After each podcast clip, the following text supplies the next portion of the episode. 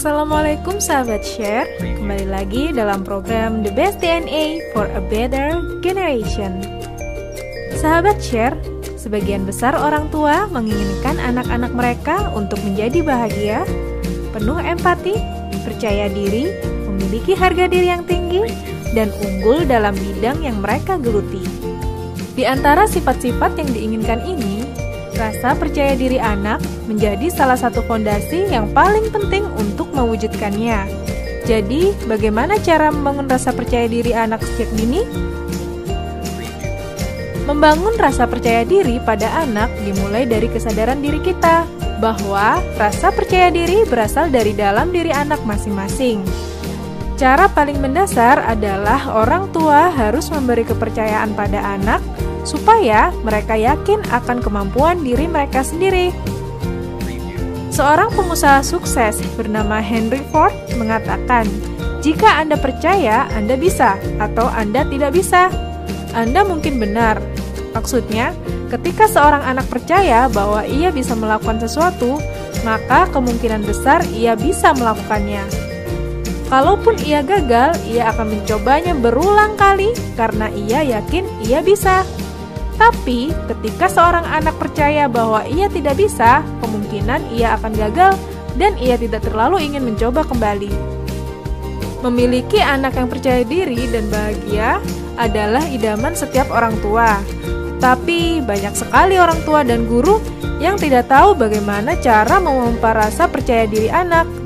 Ya, sebab percaya diri tidak diajarkan atau masuk dalam daftar mata pelajaran di sekolah dan tidak ada sekolah yang khusus mengajarkan materi percaya diri.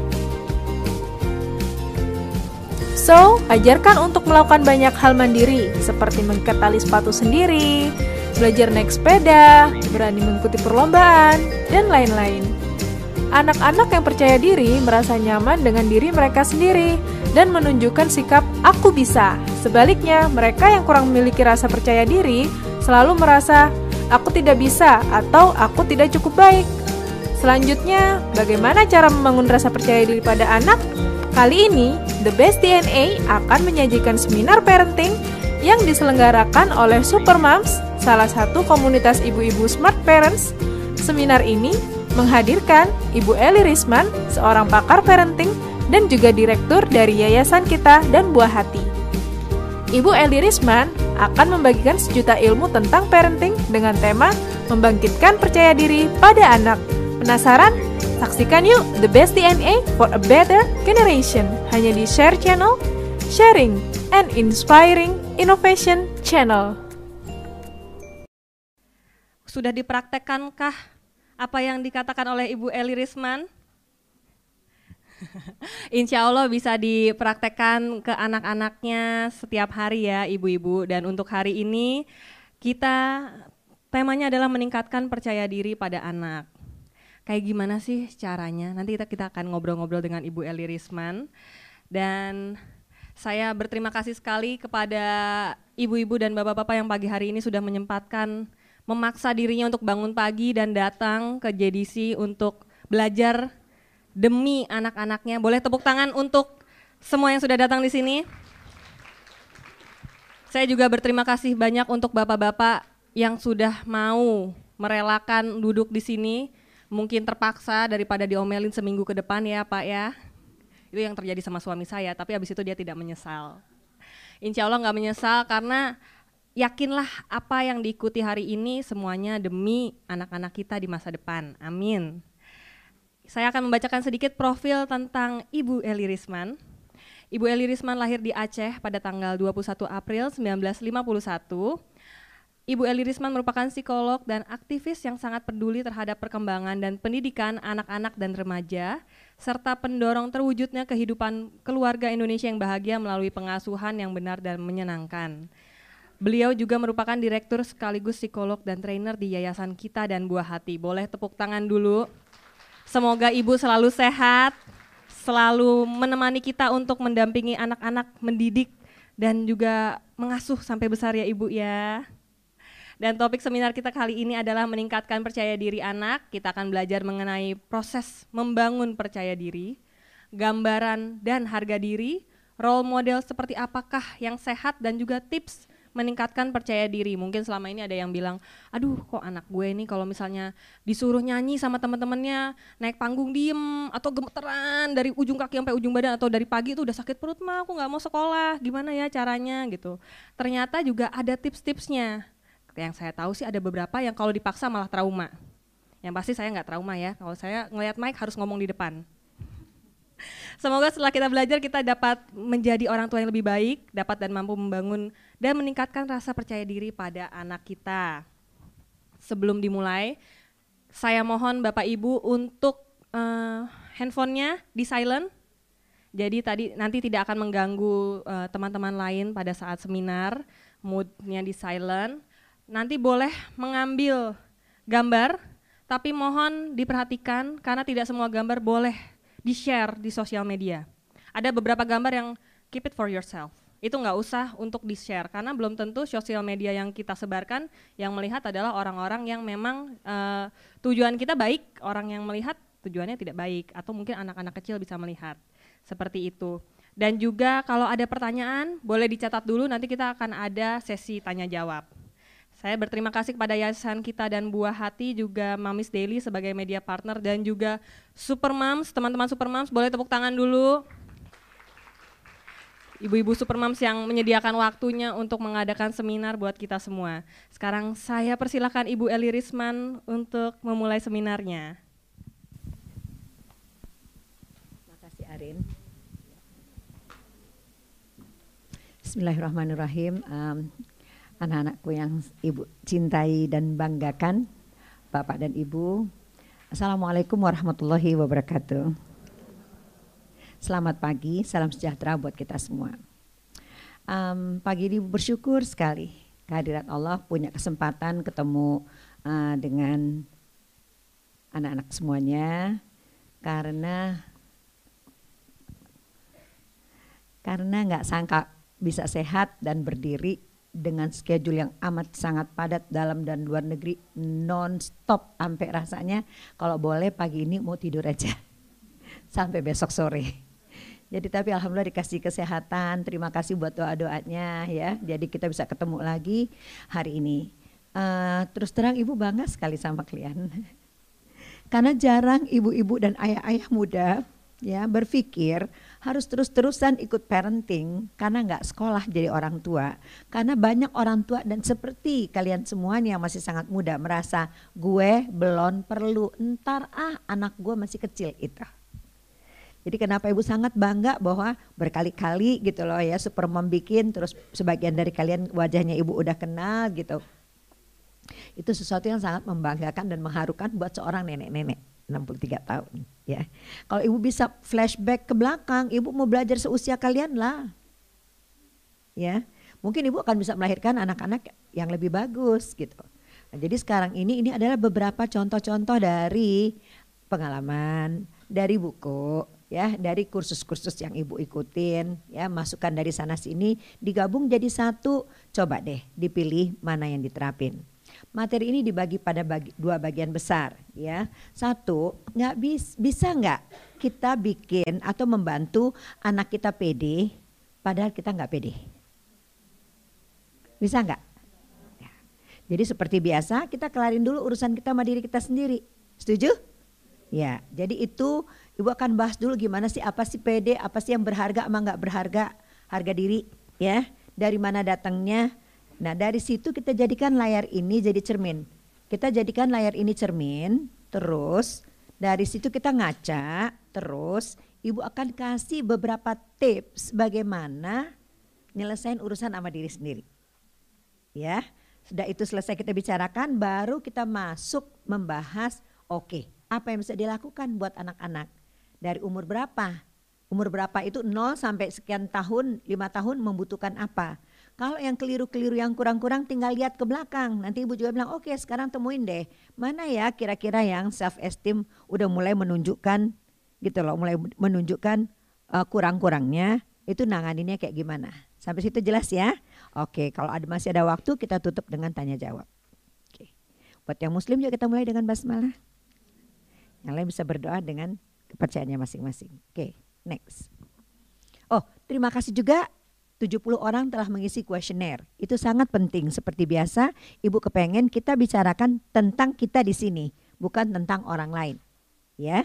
Oke. Jadi apa sih percaya diri? Percaya diri itu adalah penilaian kita menilai. Bukan penilaian orang. Jadi penilaian penilaian dan keyakinan dari orang itu terhadap dirinya. Jadi bukan penilaian orang itu anak tadi bisa naik panggung apa enggak. Oke, jadi percaya diri adalah penilaian dan keyakinan seseorang tentang apa yang dia mampu dan apa yang dia bisa lakukan. Jadi berarti kita harus mengenali gitu loh kemampuan kita apa saja, potensinya apa, ya. Dan kita bisa nggak mewujudkan potensi-potensi itu, punya keberanian nggak untuk mewujudkannya. Itu PD. Nah banyak sekali gitu loh orang-orang yang ternyata tidak mengenali kemampuannya apa. Tidak mengetahui potensinya apa. Kenapa? Tidak dibiasakan dalam pengasuhannya. Jadi coba lihat diri sendiri. Dulu sulit nggak milih jurusan waktu perguruan tinggi? Angkat tangan yang merasa sulit milih jurusan waktu perguruan jujur jujur jujur. Sulit nggak milih jurusan mau masuk apa di perguruan tinggi? Iya. Ya. Terus sekarang angkat tangan. Yang setelah selesai kuliah ternyata itu bukan jurusan gue. nah, ya kan? Eh, berarti tuh harusnya tadi dulunya sulit loh. Gitu. Kenapa? Karena nanti kalau ada bah ada waktu ibu bahas di bagian belakang ya yang remaja ingetin ya karena ibu belum masukin di situ. Saking banyaknya disortir, ibu selesai jam 7 ada tiga materi tentang itu disortir yang mana mesti dimasukin sini, mana dimasukin sini ya gitu. Saking banyaknya, jadi nanti mungkin dengan pertanyaan bisa manggil dari sini. Kalau kebanyakan ditaruh situ, blenger. Ya kan? Oke, jadi itu. Uh, pipi di jalan, ngomong sama ibu gak apa-apa ya. Oke, bu, temanku ambil S2 psikologi di UGM, S1-nya farmasi ketawa? Lo ketawa kenapa? Itu yang ketawa biasanya berasa. Ya, Pi, apa Pi yang menyadarkan dia bahwa dia salah jurusan pilih S1-nya? Farmasi ITB, sekarang ambil S2 psikologi. Ya, banyak sekali kalau anak-anak ibu memang kami minta dia tidak meneruskan jurusannya kecuali dia merasa itu amat sangat dia merupakan bidangnya dia mau tekuni. Ya, ceritanya entar di bagian belakang kalau udah remaja ya. Jadi itu tergantung ama bagaimana di rumah itu tadi di dikenalkan nggak ya anak itu sempat nggak ya dikenalkan bahwa dia mampu dan bahwa dia bisa melakukannya dan kemampuannya itu apa ya? Itu dulu ya. Oke, okay, next. Jadi PD itu ini, yes, I did it. Tuh, yes, I can. Yeah, yeah, itu. Berapa kali dalam hidup Anda Anda merasa begitu? Ya, ya, yang nggak begini, yes, yang kayak gitu. Berapa kali? Ya. Coba. Nah, ya, ya, ya, tunggu, tunggu, tunggu. Yang diketawain apa dulu nih? Kenapa? Enggak sih bu, cuma keinget yang pasti itu pas habis lahiran yes I can gitu. Oh dia mbak habis lahiran. Tadi ketawa-ketawa kenapa? Apa yang diingat? Hmm. Gak apa-apa, share dong share. Ikut pelatihan juga. So, ya, kenapa tadi kamu ketawa apa? Jadi kamu udah berapa kali tuh merasa yes I can. Kalau melakukan suatu uh, ada goalnya, mm-hmm. sukses. Hmm. Oke, okay, yang ibu tanya berapa kali kamu bilang yes I did? Beberapa kali sih mbak. Gak yakin? Gimana? Pernah saya melakukan itu uh, ketika saya menghadapi karyawan, oh. saya punya karyawan dan ternyata saya, iya, dan saya bisa. Um, baru kemarin sih. Oh, wow, tepuk tangan dong baru kemarin. Tapi sebelum sebelumnya pernah kan? Sebelum sebelumnya pernah ketika lulus UN. Oh, oh iya. yang kemarin boleh share? Yang kemarin ujian teori bikin SIM lolos. Tapi prakteknya gagal. Oh, gak apa-apa, memerlukan waktu sedikit lebih lama. Oke, jadi banyak sekali, gak apa-apa. Nah itu, kenapa ketawa ujian SIM? Kenapa? Itu sebuah prestasi gak sih? Emang lo langsung lulus? Eh, kena buat ibu, buat ibu, kamu hebat banget. Ibu ujian SIM tiga kali. Ya, tos Tiga kali, tapi di Hawaii. Ibu udah frustrasi nih yang berikutnya gue nggak lulus deh nih gitu udah tiga kali ya kadang-kadang bikin kita frustrasi. Gimana nih? Oke. Atau kamu mau ganti nak? Hah?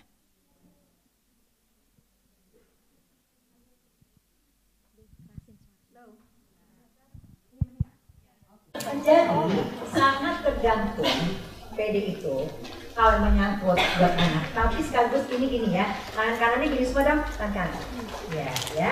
Kita kalau nyincang kaki gimana? Ya. Tapi sekarang diginin sedikit ke sini. Nah, oke, thanks. Kita lagi nyincang diri kita, menyincang anak kita ke depan. Semua data di bagian depan ini sebelum nanti ibu kasih judul bagaimana seharusnya peran ortu itu berarti berguna buat kita. Sampai situ jelas ya? Oke, jadi de- gini kita respect sama orang tua kita ya dan membesarkan kita sampai seperti sekarang ini. Tapi kita mau belajar dari apa yang kurang dan bagaimana memperbaikinya gitu ya? Ya jadi bukannya nyala-nyalain bukan. Oke nah bagaimana ortu menilai dan menempatkan harga dirinya itu kira-kira akan diikuti nggak sama anaknya? Sekarang yuk kita lihat. Sebetulnya PD itu ya kebanyakan orang sekarang di akhir-akhir terakhir ini itu meletakkan pada dua hal pada looks. Dia cantik dia ganteng. Looksnya. Hasilnya gitu loh. Ya kan sama sepatunya. Ya kan? Ya atau pada values sekarang media kita terus terang jujur deh menunjukkan atau memperkenalkan percaya diri itu pada apa? Pada looks atau pada values? Masih dicermati dunia berkata apa sekarang? Sedang mengarahkan kita ke mana? Dunia sedang mengarahkan kita ke mana? Karena kira-kira kita masuk ke otak anak kita? Oke, apalagi kalau kita ya kitanya nggak cukup punya kekuatan ya mau berdiri di mana di looks apa di values yuk kita lihat sebentar ya nih ini yang tercantik dan terpapan ini katanya lagi di rumah ibu-ibu muda eh kenapa ketawa terasa ya begitu loh sampai dipeluk-peluk sama kami ibu tuh waktu dibilang Brad Pitt sebagai lelaki terganteng di dunia Ibu ambil gambar dia depan belakang samping tau nggak? Apa sih? Kalau ibu ganteng panas mah gitu loh. Coba apa beda gitu sama yang lain-lain gitu? Ya. Terserah itu sekarang ini kan lagi. Oke, ya itu nggak usah bahas satu-satu ya. Tapi bisa dihitung coba deh. Apalagi kalau anda uh, alamat emailnya seperti edismat@yahoo.com. Berita Yahoo muncul duluan kan? Pasti tentang itu. Oh di sebelah kanan mau tahu siapa? Who cares ya setiap kali keluar uh, nama-nama bintang-bintang itu. Apa sih gitu? Enggak itu toh individunya belum tentu baik. So, ya. Nah ini tuh masuk anak yang udah di atas lima tahun, enam tahun ini udah diajak ngomong. Ya, next. Tuh, ya kan? Ya kan, benar nggak? Ya, dari yang 10 seribu dolar sampai 70 ribu dolar kan? Berarti 840 juta harganya di tas. Kan tahu belum ada arisannya? Arisannya gimana coba? Sewa artinya kan? Jadi tahun 5 sampai 10 juta bisa pinjem 3 sampai 4 tas dalam sebulan dan harus ada perjanjiannya catat kerusakan atau cacatnya apa ya supaya pede ya pede letaknya di tas ada orang pede letaknya di sepatu oke next ini semua dicopot ini semua dia pede nggak nah saya pernah satu ruangan sama dia ya coba klik hmm. innalillahi wa inna ilaihi rajiun karena kita memandang dia hebat dari looksnya kan, valuesnya ilaha illallah gitu loh. Gara-garanya kasus Oke, yang nggak tahu siapa? Ngapain saya ngulangin dua kali? Yang nggak tahu, yang mau tahu, yang mau tahu. Nah, ya jadi ini udah membuktikan bahwa gitu PD nggak pada looks, PD pada values. No matter what, how much you have.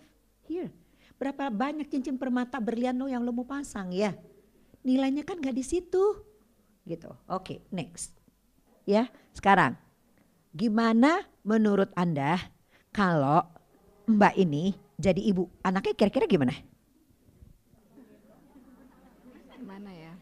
Ya, Sama hebohnya? Ya kepedean kayak ibunya kali. Kepedean. Oh ini kepedean ya? Ini pede ya? Oh oke. Ya. Gimana kira-kira kalau dia jadi ibu? Eh, anaknya lebih heboh lagi kayaknya. Jadi kita harus mulai dari anak lebih kecil dari ini sebagai orang tua untuk menunjukkan dan memamah, memahamkan kepada anak kita, PD is not about looks. Ya. PD is about values. Jadi gitu loh. Kalau muji boleh. Nanti di bagian belakang ibu kasih alternatif kalau bagaimana mengajarkan anak-anak kita. Kalau melulu dipuji kepintarannya dan dipuji kecantikannya, harusnya dia ngomong apa? Ya, sampai ke situ tuh, ntar. Tapi dari depan kita harus yakin kalau muji cantik-cantik, tapi sebut Allah kek, ya. Manis, aduh cantiknya, sebaik hatinya. Nah, ya, jangan hanya pada look semata. Catat deh itu, itu penting banget ya. Jangan pada looks kita tuh menempatkan anak kita jadi apa. Kalau kita hanya komentar tentang looks aja, looks plus something, plus something. Oke, ya. Tangan kanan dong, tangan kanan. Tangan kanan dulu. Oke, ya. Tepuk temannya sebelah kanan bilang, "Hey, looks plus something." Ya, ayo, betul. Ya.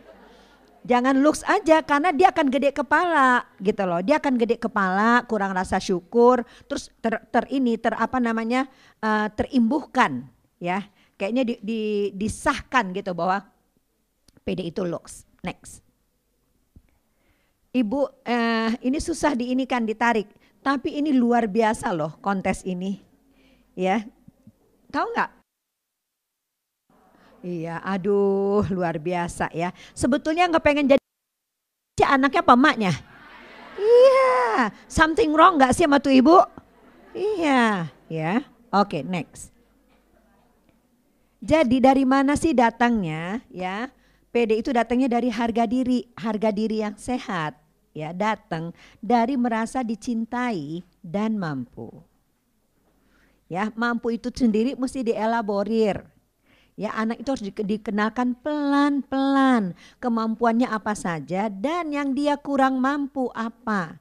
Nggak semua orang mampu dan nggak semua orang berbakat tentang semua hal yang dicita-citakan, terutama yang dicita-citakan oleh orang tuanya. Sekarang bayangin bagaimana jadinya orang yang dicintai tapi nggak mampu. Bagaimana kira-kira harga dirinya? Dicintai tapi nggak mampu. Dia merasa gimana? Harga dirinya gini deh, harga dirinya tinggi apa rendah? Bagaimana kalau dia dicintai tapi nggak mampu? Cukup dicintai tapi nggak mampu. Sayang saja. Sama juga. Ya karena unsurnya tadi harga diri adalah orang merasa melakukan menilai tentang kemampuannya. Dia yakin. Kalau dia nggak pernah ditunjukin sama. Dia selalu merasa nggak mampu. Ya, Next. Next. Terus siap. Ya. Bagaimana caranya? Ini kita masih lihat diri kita ya.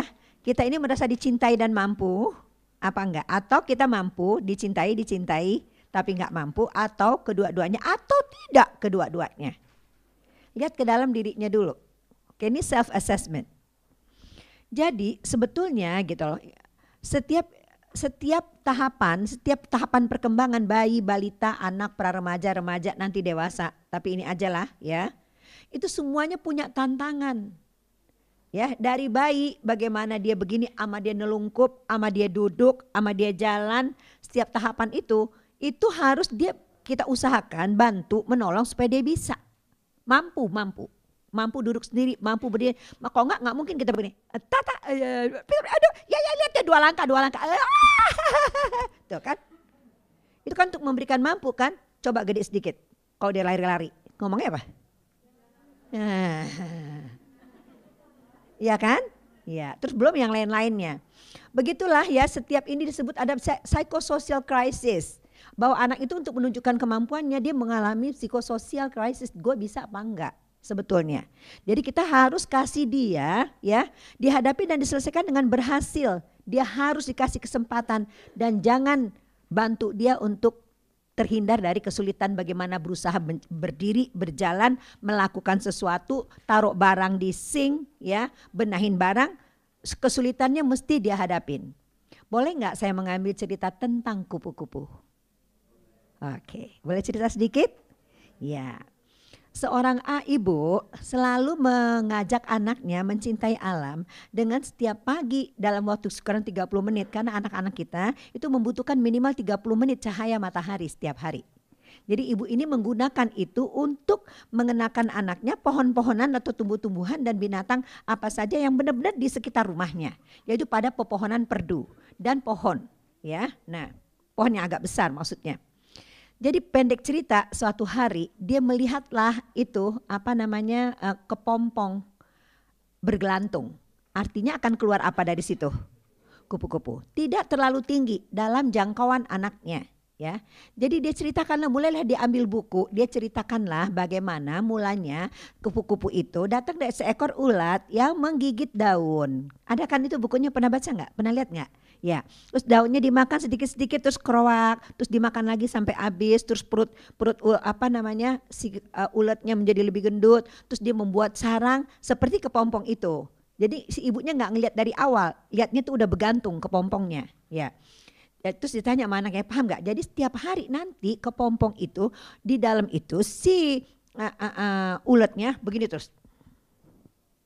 Ibunya contohin gitu ya dia ngomong semakin hari karena dia semakin gede semakin sempit semakin sempit dia terus bergerak begini begini nanti ini kepompong akan robek nanti dia harus berjuang keluar dan dia keluar dia keluar jadi kupu-kupu mulailah sekarang mereka mengamati kupu-kupu ada yang kuning ada yang hijau ada yang belang-belang begitu terus ibunya mulai buka cari lagi tentang kupu-kupu kita memperkenalkan satu hal tuh segitu jauhnya harusnya sampai selesai Ya, nanti ingetin ibu ya, mau cerita tentang gerhana. Ntar dulu satu-satu. Jadi, udah kan? Jadi sekarang dia mulai melihat kupu-kupu. Semakin apa? Rasa apa yang semakin muncul di dalam diri anak ini? Apa? Wah, penasaran, rasa ingin tahu. Sudah, setiap pagi sebelum sekolah dia pergi dulu ke pohon itu. Lihat, masih bergerak-gerak, masih bergerak-gerak. Dia. Nanti pulang sekolah taruh tas, lari lagi ke pohon itu. Lihat lagi. Suatu hari ya, dia lihat sudah mulai belah. Si ini tadi kantong si kepompong ya mulai belah. Terus dia lihat ada kaki yang keluar. Gitu. Ya, terus bergerak, gerak, bergerak, gerak, gerak. Terus ada satu kaki lagi keluar. Aduh kasihannya dia pasti pengap dalam hatinya dia nih. Waktu ditanya sama ibunya, kasihan dia capek banget. Dia macam-macam lah alasannya. Pokoknya unsurnya kasihan dan rasa ingin tahu. Tahu nggak sama si anak diapain? Tebak. Iya, diginiin nama dia. Pakai tangan, terbanglah kupu-kupu. Tapi dia tahu dua tiga hari kemudian kupu-kupu itu mati. Kenapa? Karena dia tidak punya struggling, struggle for life. Jadi itu tadi memang dibiarkan dia untuk harus begini, begini, begini. Karena itulah persyaratan dia buat hidup. Kupu-kupu aja begitu. Jadi anak apalagi manusia. Kalau dari kecil kita hindari dia dari kesulitan, gedenya jadi apa? Topiknya Peter Pan Syndrome and Cinderella Complex. Next seminar. Next. Ya. Jadi dihindari dari tantangan, ya, menurunlah self respect. Dia nggak respect sama dirinya sendiri itu. Coba deh, look into yourself, nggak respect nggak mau ngakuin bahwa dia bisa, nggak punya, nggak punya, ya. Jadi yang rusak apa? Pede. Itu. Ya, kata kuncinya apa? Kupu, kupu. Biar gampang. Kata kuncinya kupu-kupu, kupu-kupu aja dia harus berjuang untuk keluar mengepakkan sayapnya yang indah seperti kupu-kupu. Kenapa Anda tidak membiarkan, kenapa kita tidak membiarkan anak kita mengepakkan sayapnya yang indah itu? Ya, oke. Apakah Anda sebagai orang tua setelah mampu mengepakkan sayap Anda yang indah? Pertanyaannya ya, next. Ya, kalau dia berhasil mengatasi tantangan posan positif lah terhadap diri sendiri. Yes, I did tadi, walaupun ujian SIM. Ya kan, apa saja, apa saja keberhasilan kecil. Dia duduk dan berdiri sendiri di atas kakinya, nggak goyah, nggak jatuh. Yes, I did. Bisa ikat tali sepatu. Yes, I did. Ya, mulai dari hal yang sangat kecil pada tadi usia anak-anak ya ah, terus dia ke pra remaja bisa milih bukunya sendiri milih seragam pakai baju bisa berangkat sekolah sendiri nggak usah dianterin gitu. Itu semuanya tahapannya banyak sekali nanti kita uraikan dalam kelompok usia nanti belakangan ya. Jadi menghargai keberhasilan. Kalau dia bisa itu perasaan menghargai keberhasilan dan merasakan saya bisa ngancingin satu kancing dan kancing berikutnya itu udah hebat. Kenapa kita bilang oh iya oke ya tapi ayah udah di mobil kan sini terusnya mama yang kancingin sini mama kancingin. Toh hancur yang tadi. Ya kan? Gara-gara buru buru ya. Jadi kita jadi mama sini papa sini itu ya. Kirinya begini kirinya Ya, kirinya tangan kiri, tangan kiri gini. Ya, tonjok teman sebelah. Lu mama sini, papa sini ya. ya.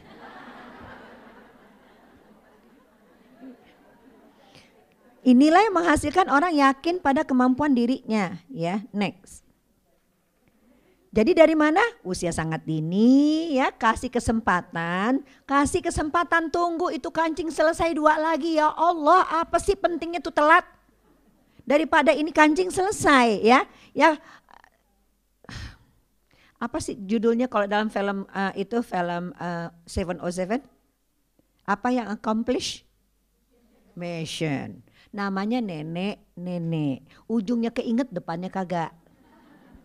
Yang penting mission accomplish. Ya itu karena kalau dipotong itu kayak kupu-kupu tadi.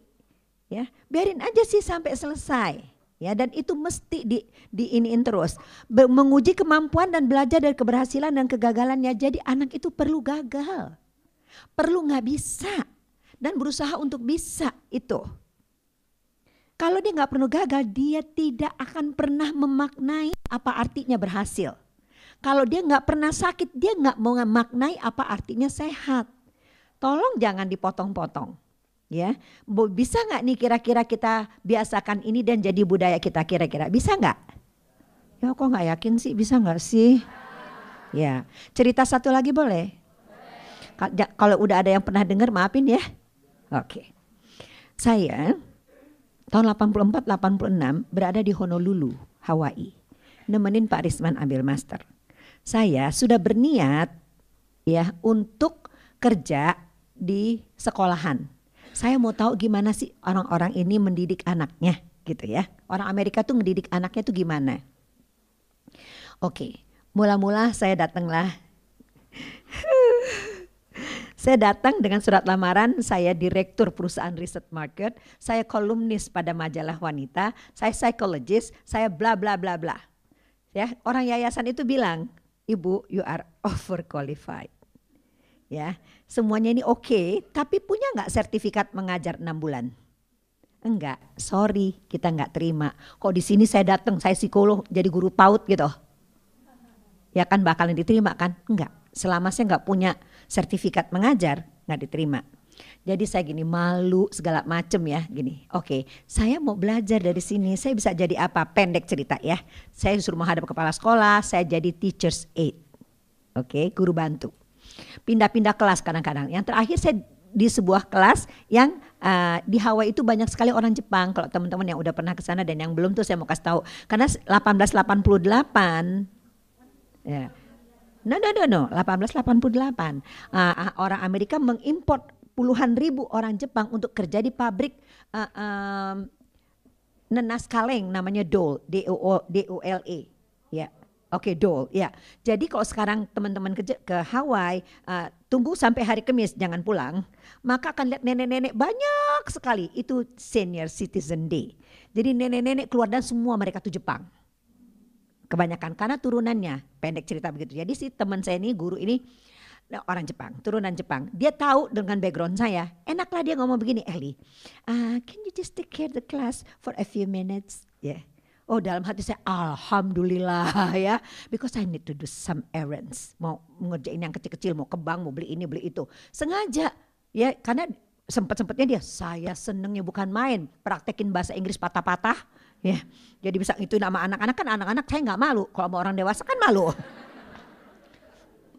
Udahlah, jadi persyaratan di sana anak dua setengah tahun boleh masuk ke playgroup dengan dua syarat. Satu, tidak pakai jeans, boleh pakai piyama, boleh pakai iler, boleh pakai bel belekan, boleh. Tapi nggak boleh pakai jeans. Ya. Kedua, harus bisa cebok sendiri. Jadi guru PAUD di sana nggak kebudakan nyuciin pantat anak orang. Sudah? Dah, masuklah. Ada beberapa eh, katakanlah namanya Edward. Baru masuk Edward Suzuki ya baru masuk dua setengah tahun jadi pas bel bel kita mesti bawa anak keluar saya punya anak 16 ya bawa keluar. Ternyata si Edward ini yang kecil datang ini. Bilang saya mau pipis. Ya. Oke okay. nah di sana didesain sedemikian rupa mungkin teman-teman udah tahu juga bahwa kamar mandi di dalam di dalam kelas yang pintunya goblak-gablek tau nggak? Ya semuanya serba kecil. Di toiletnya kecil uh, itunya apa wastafelnya juga kecil gitu. Dah. Saya bilang lah sama saya ingat Francisca rambutnya keriting-keriting orang Filipin asisten kelas sebelah. Francisca 15 ya. 15 oke. okay. Satu di dalam kata Francisca udah masuklah nih anak kita nggak boleh masuk kita tunggu di luar Hah Gitu tau nggak lo? Edward, are you done? Ya, keluarlah Edward. Ya, gitu kan? Udah lama banget. Saya lihat-lihat juga di luar tuh anak gue nakal nggak ya? Gitu si Francisca kerepotan nggak? Terus Edward, keluar Edward. Ya, kamu udah selesai? Ya keluarlah. Gitu udah. Si Edward keluar. Tahu nggak dia ngapain? Saya marah sekali karena ibunya kirim pakai jeans. Oh, itu kenapa nggak boleh pakai jeans? Udah, terus gini, oke sekarang jujur, jujur, jujur, mau ibu mau bapak jujur. Itu ada 15, kita titipin sama orang. Ini anak satu pakai jeans, belum bisa-bisa ngancinginnya. Jadi jujur kita bilang apa? Jujur, jujur. Hah? Ya sini, sini. Uh, teacher bantu. Gitu kan ya? Iya kan? Iya. Tahu nggak apa sih Edward bilang sama saya? No, do you think I am a baby? I can do it by myself, you know. Saya nampar muka saya dasar lo Eli Melayu. Ya, makanya tadi saya tanya bisa nggak itu kita jadiin budaya ya? Kita percaya pada kemampuan, beri kesempatan untuk percaya pada anak kita dan bilang, you big boy, you big girl. Ya, mereka tuh udah jadi budaya di sana. Nahan diri, nggak bilang sini mama tolongin, sini papa tolongin, enggak kita masih di situ. Saya ngomong tadi sama Pipi, Pi, Ibu belum bicara tentang 21st century skills. Iya bu, aduh kata Pipi pegang pipinya, aduh aku mau tahu bu, mau tahu. Gimana mau tahu? Ini aja kita masih di sini. Ini kini kalau dalam sejarah ituan parenting ya kita berada di tahapan apa tau nggak renaissance Gimana mau nge-touch 21st century skills? Masih jauh banget gitu. Jadi belum ketouch sama saya sekali-sekali kecuali sama guru. Ya. Sampai sini jelas ya. Jadi kita perlu menguji, memberikan ya, menghargai, memberikan kesempatan untuk gagal. Nggak bisa, nggak apa-apa. Ya, jangan kayak kupu-kupu tadi. Jadi cara seorang membangun, merumuskan dirinya itu ada dari persepsi yang sehat dari ortu. Ya, dasar-dasarnya ini dulu. Coba lihat deh ke dalam dirinya sendiri dulu. Kalau ini nggak dibiasakan, gagal berusaha lagi, gagal berusaha lagi. Einstein itu berapa kali gagal? Ya, siapa yang penemu lampu? Kok nggak sekarang kita nggak punya lampu, kok dia nggak seribu kali gagal? Ya, jadi kalau ini nanti jadi Peter Pan, terlalu nyaman di masa kecilnya, kagak pernah gede-gede, kagak pernah tua-tua jiwanya Badan keren, ganteng, sononya ciut. Ya, nggak punya boro-boro pede. Tampan banget. Ya, next.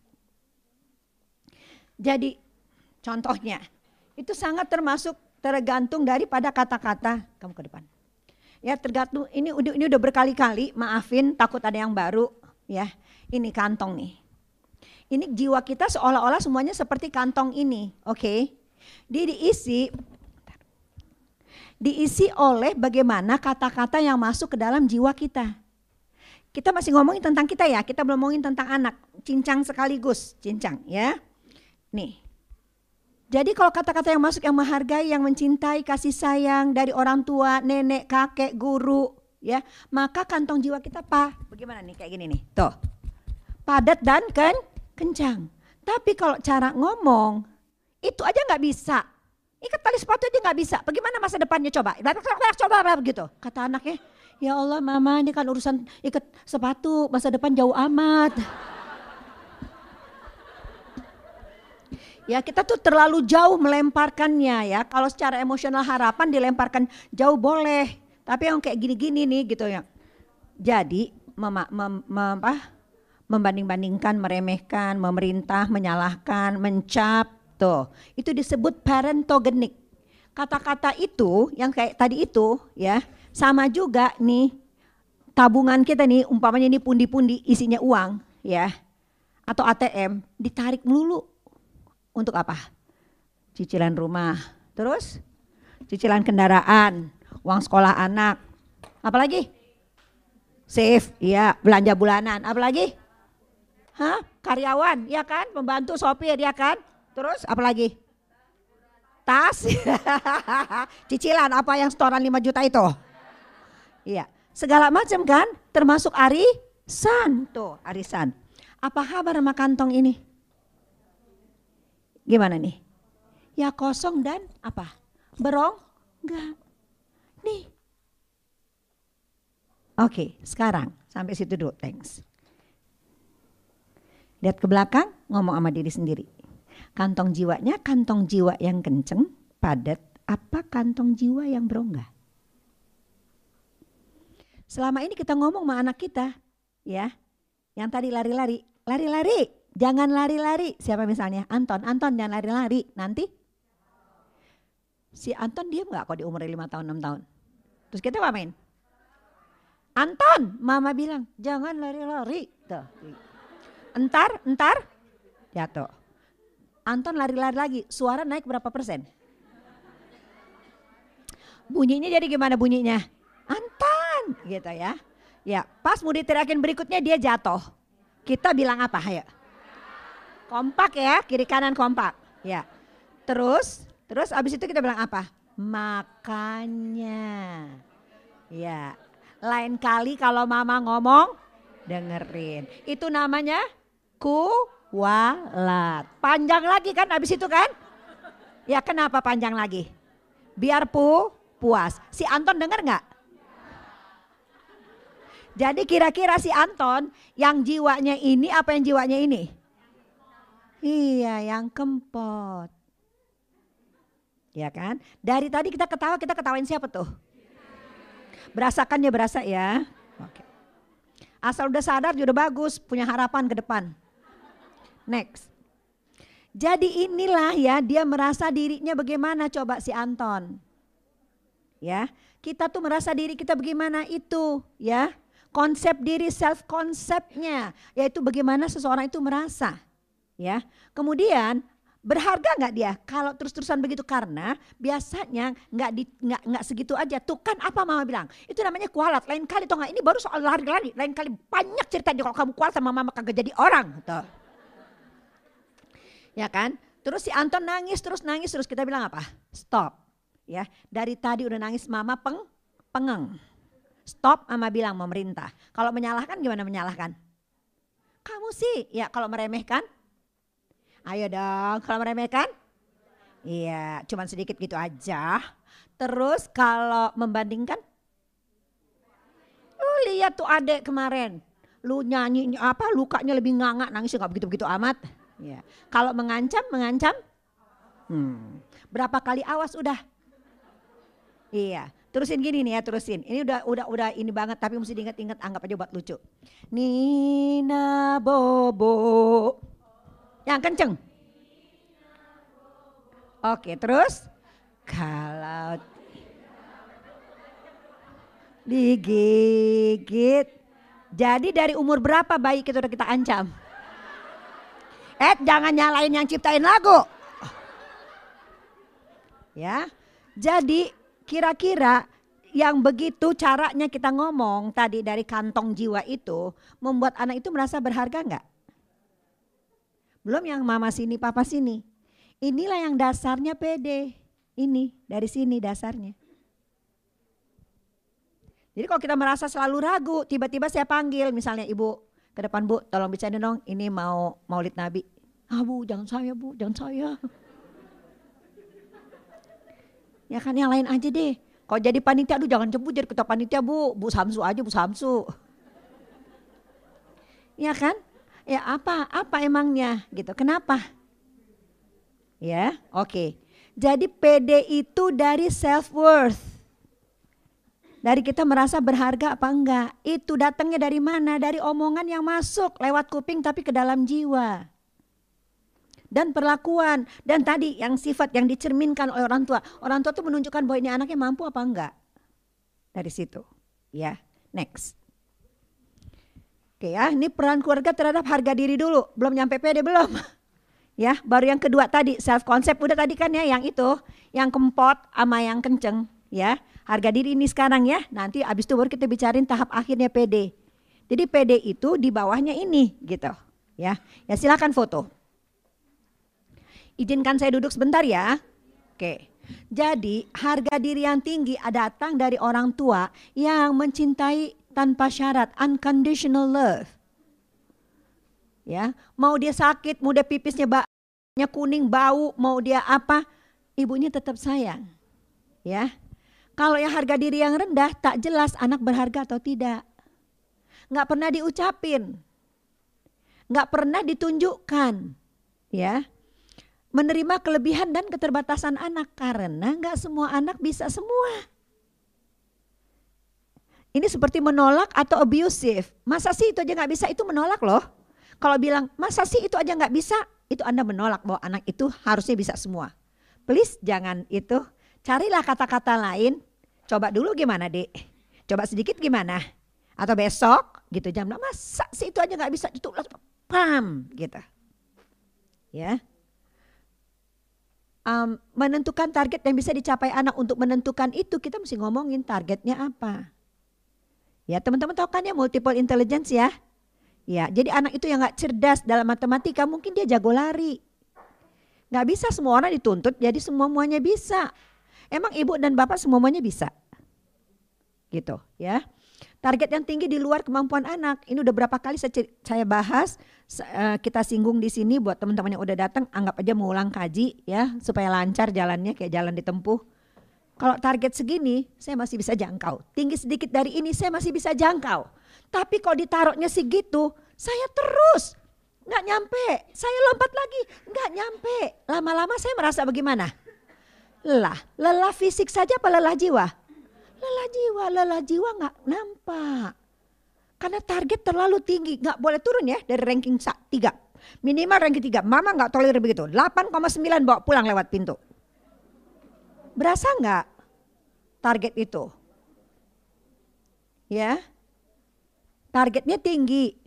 Terus authoritative parenting boleh target. Bapak ibu tanya, bisa nggak target tinggi? Boleh. Tapi kalimatnya begini. Um, maaf ya, saya contohin diri saya boleh nggak? Anak saya tiga. Suami saya pegawai negeri. Yang berusaha mau lurus. Jadi dari kecil anaknya dibilang gini, harus masuk sekolah negeri dan perguruan tinggi negeri. Karena ayah pegawai negeri. Kalau kamu mau masuk perguruan tinggi swasta, maaf ya waktu itu cuma ada yang keren. Ya, Ayah nggak sanggup bayar. Berarti kamu suruh ayah korupsi. Sampai situ jelas? Oke, sekarang apa yang bisa ayah bantu supaya kamu bisa masuk perguruan tinggi negeri? Itu didiskusikan. Dibuatkan aturannya. Itu namanya authoritative parenting. Nah, ibu naikin ini dong nak, ke sini nak. Oke, authoritative parenting ya. Gini deh biar inget. Yuk. Nanti saya jelasin pakai itu. Tangan kanan harapan. Tuntutan ya tangan kanan. Oke. Tangan kiri hmm, kasih sayang. Oh, gini. Tangan kanan kasih sayang. Tangan kiri tangan kiri em, tuntutan. Oke, sini nak, pegangin mic-nya. Oke. Yuk kita ngomongin tentang uh, parenting style. Ya. Kalau mana dulu nih? Kasih sayang tinggi. Kanan dulu tinggi kan, kasih sayang tinggi. uh, tuntutan rendah. Ini namanya permisif apa aja boleh. Sampai situ jelas nggak? Oke, sekarang kalau tuntutan tinggi, yuk tangan kiri tinggi, kasih sayang rendah, artinya otoriter. Tapi kalau kasih sayang tinggi, tuntutan tinggi sama, ini namanya otoritatif. Nah, sampai situ jelas nggak? Oke, ayah, mama maunya kamu masuk perguruan tinggi negeri, kan seleksinya gila ya. Yang terima cuma 40 ribu, yang ikut 200 ribu. Berarti anak kan harus compete banget kan? Ya zaman itu sekarang lebih banyak lagi lah. Ke depan lebih banyak lagi. Tapi kan sekarang kalian banyak dibuka jalur kan, yang punya duit bisa masuk jalur khusus. Yang lebih kaya lagi jalur internasional. Kalau anak mau dimasukin jalur internasional ngapain les kumon banyak segala macam les. Sampai jam 9 malam. Baru kita bahas kemarin nih soal bullying. Ibunya tetap kasih les ini itu ini itu. Ujung-ujungnya masuk internasional 900 juta. So why?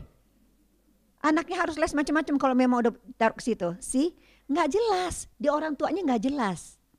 Ini teman-teman kita bahas ini biar di teman-teman udah jelas duluan. Kita tuh maunya apa? Sampai sini jelas ya. Jadi PD itu banyak kaitannya ke bawah. Bukan soal muncul di atas panggung. Eh kok teman-teman yang artis tanyain deh. Orang yang muncul di atas panggung nggak semuanya PD. Tapi makan obat dulu dan segala macam dulu di belakang. Itu udah bukan rahasia. Artinya apa? Di bus PD-nya. Ya, termasuk Michael Jackson. Termasuk um,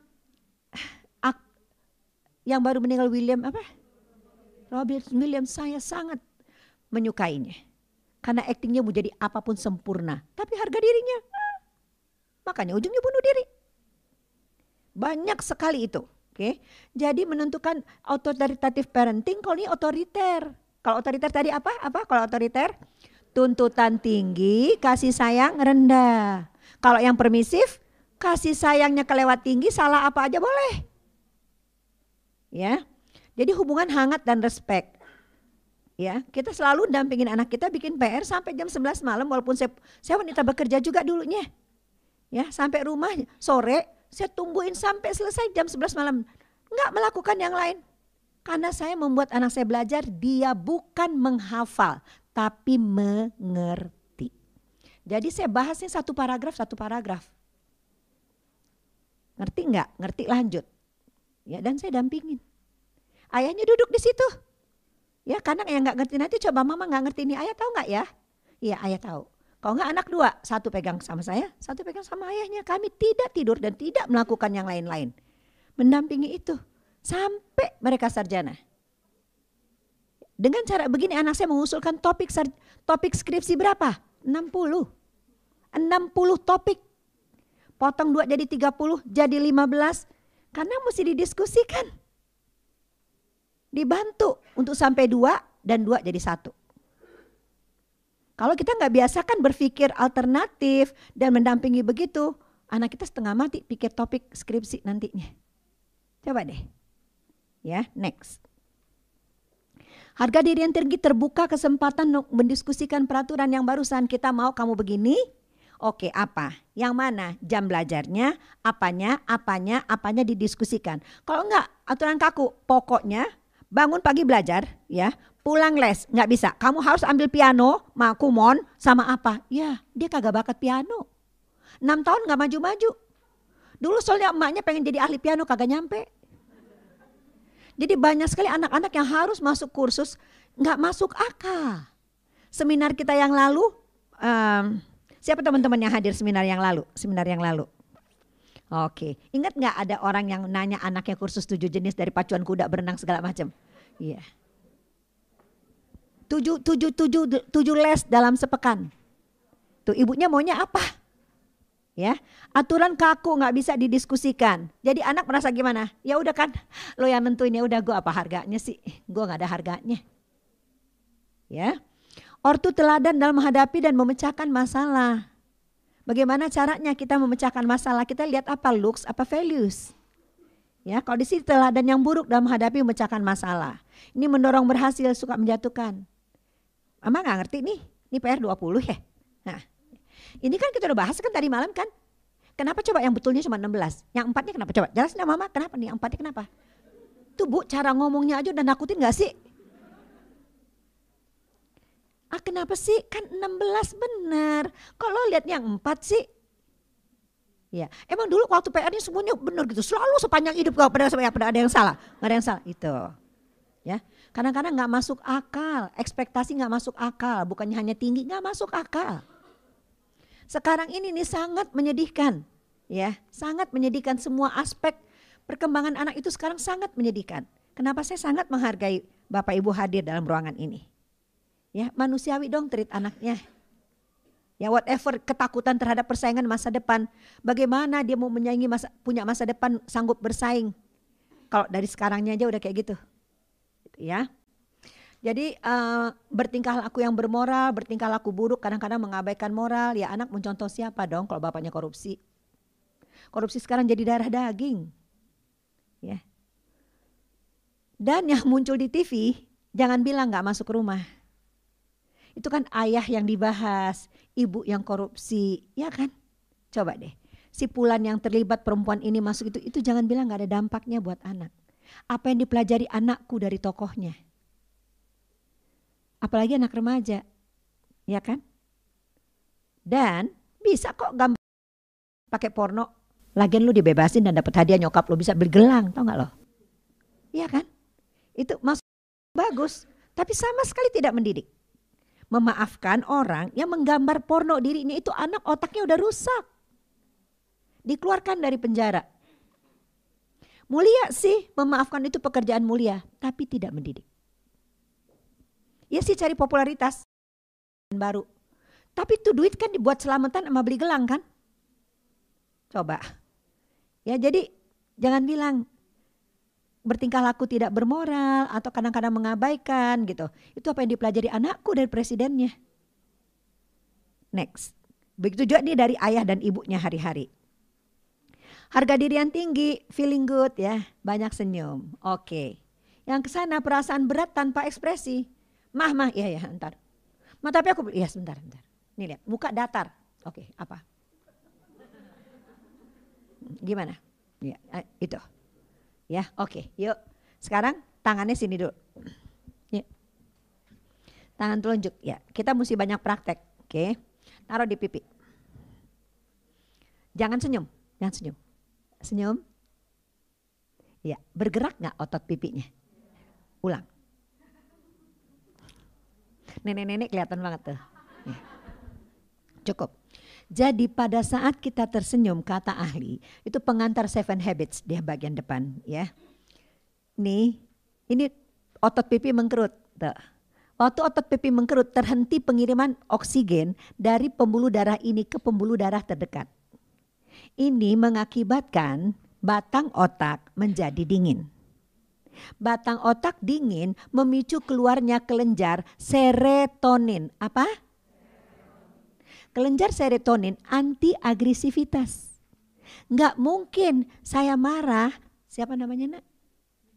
Hah? Niki. Saya marah sama Niki, saya ngomongin gue tonjok lo Niki. Nggak mungkin. Kalau udah tersenyum nggak mungkin marah. Ya, jadi boleh nggak kasih ekspresi sama anak, kasih ekspresi. Ya, dia datang dari jauh kita Ya enggak? Ya, kalau ajak ngomong punya ekspresi wajahnya. Kalau lagi nggak sanggup kasih ekspresi, bilang maaf ya nak, lagi gondok, lagi sebel dan capek. Ntar sore sedikit boleh? Jangan bulak balik kasih wajah datar. Jadi anak bilang ini gue sebetulnya disukanya apa enggak sih ini salah gue apa bukan sih gitu. Serba nggak jelas muka. Ya, nggak ada ekspresi. Oke. Jadi sekarang balik lagi ke serotonin. Banyaklah senyum, itu dulu pulang nanti mau punya anak pede, banyak senyum dulu ya, kasih ekspresi ya. Oke. Karena Windy, siapa tadi? Niki, sorry, salah ingat. Niki nungguin saya uh, yang dekat Plaza Senayan atau Semanggi yang lempeng.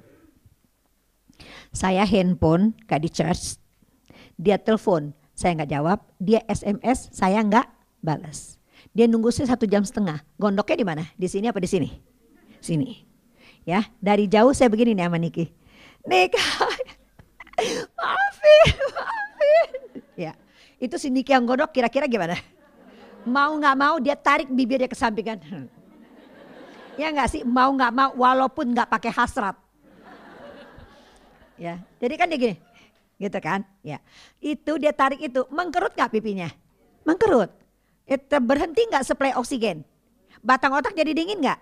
Dingin. Ya, memicu nggak keluar serotonin? Iya. Dia tadi udah merencanakan kata-kata yang segala macam sama saya cuma bilang, lo kelewatan ya. Tuh, cuman segitu doang. Tadi dia bilang, kok Maria gitu. Tapi nggak ada kelewatan banget sih. Kenapa sih lo astaga, gue sejam setengah gitu. Walaupun begitu ya. Tapi itu boleh nggak kita banyak tersenyum karena kita sebetulnya pada saat kita tersenyum kita bersedekah serotonin buat siapa? Diri kita sendiri. Kalau kita tersenyum sama orang lain, orang itu mau balas nggak? Mau nggak mau balas walaupun ya kita jadi bersedekah sama orang itu untuk dia juga buat otaknya. Ini anak kandung kita sendiri. Jangan kasih dia keraguan gitu loh bahwa apa nih saya berharga apa enggak? Gitu ya. Jadi feeling good senyum perasaan nggak berat jadinya. Dia juga belajar uh, apa ada ekspresi. Dia juga nantinya akan mengekspresikan. Kalau kita pulangnya dengan tas berat muka gini ya dia pasti akan begini mama capek ya. Mama kelihatannya capek banget ya ma. Ya kayak gitu itu kalau udah sampai ke titik itu hidup nyaman banget loh coba deh rasain deh kalau sampai kita pulang anak kita nyapa Kayaknya berat banget mah hari ini. Capek banget ya mah ya. Ada yang ngeselin ya mah ya, pah ya. Kenapa pak di kantor jalanan macet ya? Itu teguran itu mahal loh. Tapi kalau kita nggak biasain, nggak dapet ya. Jadi berpikir positif, tahan terhadap tekanan negatif lingkungan, ya. Anak juga gitu. Atau yang harga dirinya rendah negatif aja. Semua tetangga salah. Ya, semua tetangga jelek, saudara jelek. Lebih sehat secara psikologis mudah menangani konflik kalau itu mengalami masalah stres, cemas, gangguan makan, penyakitan, itu disebutnya hipokondri. Ibu-ibu atau bapak-bapak yang banyak sekali keluhan tentang tubuhnya. Sebentar pusing, sakit lambung, gatel-gatel, besoknya pegel-pegel belakangnya. Ada aja keluhannya, disebut hipokondriakal. Ya, Orang yang terlalu banyak keluhan terhadap tubuhnya nih Jadi dari orang tua yang kayak begitu bagaimana tumbuh anak yang oke, okay, pede yang didengerin keluhan melulu. Oke, okay, mampu mengatasi stres yang sana nggak mampu mengatasi stres bawaannya. Drop ya, next. Lebih mengenal dan mampu mempertahankan hubungan baik dengan orang lain, sana sulit mempertahankan hubungan baik dengan orang lain. Kenapa? Kantong jiwa kempot. Ya, jadi bawaannya sama ipar, saudara kandung, yang lingkungan dekat aja, salah terus. Ya, nggak hangat hubungannya. Hidup sendiri. Kalau yang sini menentukan goal hidup yang masuk akal, sesuai dengan kondisi keuangan, apa nggak bercita-cita punya mobil, rumah mewah, terusnya korupsi gitu loh. Cari semua jalan halal. Ada tuh yang kayak begitu. Nggak jelas goal hidupnya. Saya kadang-kadang bertanya ya, dan saya udah bikin notes itu di Facebook saya. Apa yang dipelajari mana ya dari ibunya? Dia diajarkan apa enggak gitu loh. Tahu enggak mana siapa? Ya.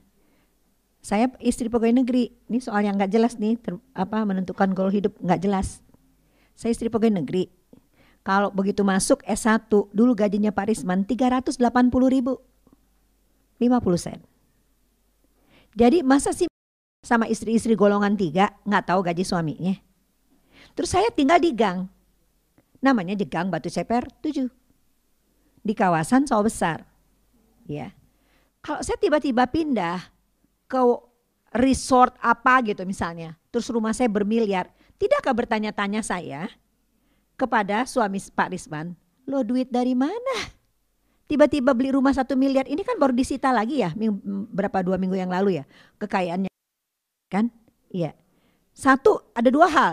Apa mana nggak pernah diomongin ya sama ibunya ya? Kedua ibunya ngomong mana lupa? Kenapa ya? Kok dia nggak jelas banget ya tujuan hidupnya? Teman-teman persaingan sekarang luar biasa. Housing apartemen dijual luar biasa. Are you going to invest? Gitu. Mimpi boleh, tapi realitasnya gimana? Bekerja keras boleh, gitu loh.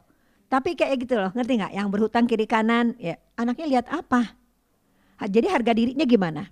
Fokus sebagai terbuka terhadap kritik itu berusaha melindungi terus karena kantong kempot. Orang yang kantong kempot itu peka banget terhadap kritik, nggak bisa mau maju, ya. Fokus bagaimana meningkatkan diri dan sukses itu menghindari diri dari kegagalan dan penolakan. Kenapa? Karena harga dirinya rendah menikmati hidup, sana nggak menikmati hidup, hari kelabu terus karena pencapaian terlalu tinggi, impian terlalu tinggi, nggak realistis. Tahu kemampuan dan kenal kelemahan jadi optimis, itu pesimis melulu bawaannya. Ini, ini sekarang anak kita di, mencontoh yang mana ya, gitu, hari-harinya. Next. Now, how do you feel about yourself? Di yang tinggi kah, atau di yang rendah, atau di tengah-tengah? Ya, kita lihat data berikut ini. Terima kasih ya. Terima kasih telah mengisi kuesioner. Masya Allah 55% dari teman-teman yang mengisi hari ini bahagia. Tepuk tangan dong. Ya, Alhamdulillah. Ya, bahkan ada yang sangat bahagia 5%. 13% kurang bahagia ini biasa-biasa saja. Ya, ini saya bertanya nih biasa-biasa saja. Maksudnya nggak begitu bahagia, nggak begitu juga nggak kurang bahagia. Fine.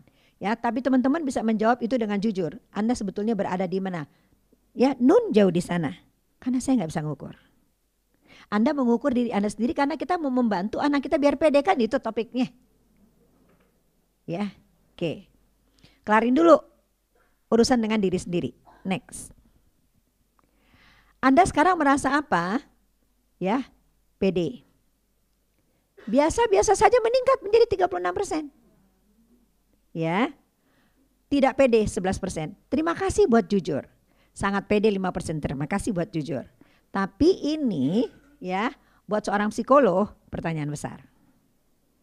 Ya, lihat lagi ulang. Next. Eh, berikutnya. Nih. Berikutnya sebelumnya sebelumnya maksud Ibu, sorry. PD 48 persen. Nih, bahagia 55 persen. Nah, memang sih harus diadakan penelitian bahagia dengan PD gitu kan kaitannya. Bahagia 55 persen, biasa-biasa saja 27 persen. Kalau Anda bahagia, berikutnya. Kaitannya kan harusnya juga PD-nya meningkat. Ya kan? Ini menurun. Gitu dari 55 persen itu. Biasa-biasa saja balik yang sebelumnya 27 persen. Ya, kemari 36 persen. Tapi terima kasih telah ngisi kuesioner. Maksud saya kita harus berkaca dengan diri kita sendiri dan nggak pada siapa kita perlu berbohong tentang diri sendiri. Hanya kita yang tahu. Oke, okay, next. Jadi kalau orang nggak pede, dia nggak feel good about herself or himself. Dia nggak merasa oke okay sama dirinya. Terus menerus merasa gampang jatuh, merasa jatuh ya. Jadi akhirnya takut untuk mencoba karena udah terlalu sering merasa gagal. Padahal dia nggak gagal. Klaimnya aja, penilaian pendapat orang tadi yang membuat harga dirinya jadi rendah. Oke, okay? terus merasa ada yang salah sama dirinya. Ini kasihan banget. Nah itu di mana? Nun jauh di sana. Gitu. Oke, okay, next. Kayaknya gue nggak dihitung. Kadang-kadang Eli Risman keluar tuh nggak pedenya. Ya terutama saya mau ngomongin biar jujur yang di depan ini belum tentu lebih baik daripada teman-teman. Ya, masalahnya saya tidak beribu sejak saya umur 6 tahun. Pengasuhan saya berganti-ganti tangan, so I know this feeling. Ya, saya sangat familiar dengan ini.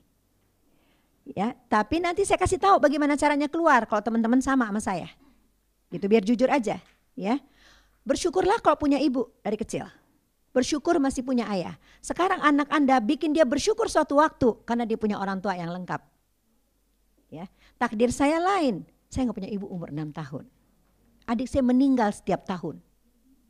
Oke, ini berkaitan sekali dengan orang itu kan pede atau enggak. Tapi masya Allah tabarakallah saya dapat ibu, sahabatnya ibu saya yang luar biasa dia yang menjadikan saya menjadi orang yang bisa bicara tentang parenting. Jadi kok kurang itu enggak bukannya berarti tidak bisa disubstitute, bisa.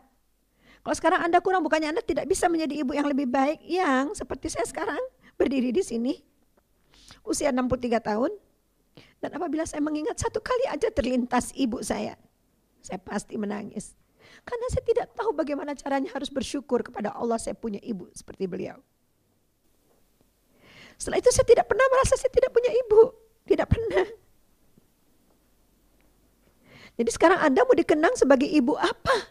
Dan Anda mau dikenang sebagai ayah apa? Saya sangat bersyukur punya ayah seperti ayah saya. Karena saya nggak pernah jatuh. Saya nggak boleh batuk. Begitu saya batuk dua kali, ibu saya dipanggil sama ayah saya. Kenapa Eli batuk ya Saada? Dan ayah saya bilang, anak ayah pasti bisa. Sekarang apa yang Eli nggak bisa sini, ayah tolong Nah, saya minta itu dilakukan Pak Risman terhadap anak-anak saya. Saya bangga banget punya ayah begitu. Saya udah pernah cerita, dia mau bikin ganti cat aja nih, dia pakai duduk semuanya. Nah, kita ayah ada rezeki, mau ganti cat, mau warna apa sayang? Mau warna apa? Mau warna apa? Walaupun yang di cat, cat yang warnanya dia suka juga. Tapi dia udah bikin kita berharga, ditanyain. Ya.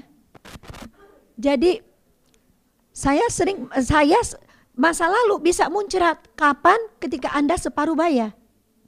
Maaf ya belok-belok ya, tapi kasih pemahaman. Saya kan udah Isya, udah tinggal tunggu kapan matahari benar-benar tidak bersinar lagi. Berarti saya di dalam tanah, ya enggak? Saya nggak bisa lihat lah. Jadi pada saat orang yang menjelang menopause, Anda akan mengalaminya sooner or later. Maka masa lalu itu di jiwa Anda renggang begini. Ini kondisi menopause, kondisi ibu-ibunya teman-teman semua, ayah-ayahnya, ayah ibu mertua kayak saya. Oke. Okay. Jiwa renggang, kita mesti belok-belok nih karena parenting nggak bisa straight begitu aja. Oke. Okay. Masa lalu seperti ini. Dia karena ini renggang, kenapa ini renggang? Karena penurunan estrogen dan progesteron pada saya. Dengan mens, mens, mens, mens, mens, menopause, serup estrogen dan progesteron turun. Pada bapak-bapak, testosteron dengan ejakulasi berkali-kali turun. Jiwanya sama renggangnya. Bapak disebut mengalami nantinya menopause. Ini topiknya lain lagi ya, lain kali. Ibu-ibu seperti saya akan mengalami menopause. Sama, jiwanya renggang ya pada saat itu. Jadi masa lalu tergantung dia bahagia atau tidak bahagia muncrat ke permukaan. Nah, nggak bisa dihindari, under control, nggak ya nggak bisa dikontrol sama sekali, ya. Jadi seperti misalnya kapan saya muncul kemarin ketika saya terdesak sangat lelah, ya. Bagaimana konsep diri yang ini bisa ditingkatkan terus kapan bisa drop lagi? Karena konsep diri nanti saya akan jelaskan dia naik turun kepercayaan diri itu naik turun. Ya, nanti nanti sebentar. Jadi suka merasa nggak dihitung tuh, ya. Melihat dunia tempat yang bermusuhan. Nantinya anak itu tuh selalu melihat kelam, kelam, kelam, ya. Susah ketawa. Nggak bahagia. Itu tadi muka datar. Ya, sedikit kesempatan mengembangkan positif self image dan berpikir positif tentang diri sendiri. How could he or she. Dengan latar belakang begitu. Sekarang kita ingin mengentaskan anak ke depan 15-20 tahun yang akan datang kayak apa? Start dari mana? Start dari mana? Dari diri sendiri. Ya, jadi harus ada self assessment. Oke, okay, next. Atau yang kayak gini harusnya jadinya I'm cheerful, I'm caring, ya, yeah, I'm brave, I'm modest, I'm tall. Apa? Nah ini yang kita kepengen anak kita ke depan tentulah nggak sesempurna itu. Karena semuanya manusia. Ada unsur lemahnya, ada positifnya. Tapi kalau kita bersungguh-sungguh ya minimal lebih banyak ininya lah daripada yang tadi down. Gitu. Ya. Oke. Okay. Oke, okay, banyak sekali gitu. Kenapa teman-teman? Kepercayaan diri adalah berupa anak panah yang melesatkan anak itu ke depan. Melesatkan seorang individu itu ke depan. Ya, aspek-aspeknya itu. Dia adalah anak panah. Oke, okay, next. Jadi sekarang apa yang bisa kita lakukan ya? Tangan kanan dulu dong, tangan kanan dulu dong. Iya, ya. Elus-elus temennya sebelah kanan bilang, selesaikan dulu urusan dengan diri sendiri ya. Oke, lanjut ya. Halo. Oke, next. Jadi pertama teman-teman adalah taulah dan role model nama kerennya. Bagaimana kita jadi role model kalau terus-menerus menunjukkan bahwa ya looks bukan values. Bisa nggak sih kita ngomongin sama anak kita tadi tentang berlian yang banyak itu? Tas yang Hermes atau whatever lah mereknya saya nggak begitu paham. Ya. Jadi ketidakpercayaan diri atau pesimis. Ada nggak sih yang notice hari ini celana putih saya bercak-bercak karena luntur? Nggak lihat kan? Ya, kenapa? Karena saya tidak menaruh. Tadi sudah lihat, wah bercak nih. Tuh ya kan? Lihat nggak? Hmm. Tuh kan? Terus saya pegang nih celana, ah, ya ganti celana lagi lama lagi. Ya, uh, sopirnya Risna udah datang. Saya bilang siapa yang peduli sama celana saya ya nggak? Ini buktinya kagak ada yang kenal kan? Celana saya ya udah.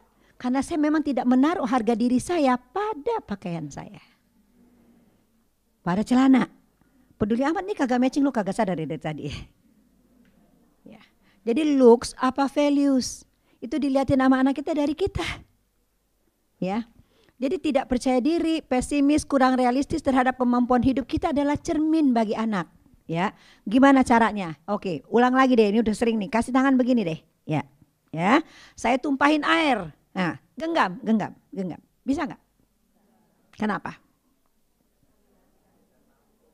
keluar dari sela-sela jari. Iya.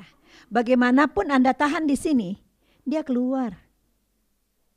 Keluar dari ekspresi wajah tadi. Bahasa tubuh kita sebut ya. Jadi ekspresi eh, bahasa tubuh itu gesture, ya, suara dan ekspresi ini. Akan keluar dari nada suara, dari segala macam. Jadi yang pertama sekali harus kita perbaiki apa dulu? Ninun yang jauh di sana kitanya. Kita mesti perbaiki. Oke. Masalahnya nggak ada orang yang steril. Tadi sudah bilang sama teman-teman, ya orang berdiri di depan mesti jujur, nggak boleh munafik. Saya nggak punya ibu dari kecil. Hidup saya lalu tunggang langgang, ya. Mungkin nggak pernah ngalamin. Saya direbutin dua pihak. Tahu nggak saya dibawa ke mana? Ke dukun. Dan dukunnya kagak punya hidung. Ngeri nggak? Ngeri nggak? Iya, saya ngeri setengah mati. Ingat aja sekarang masih ngeri.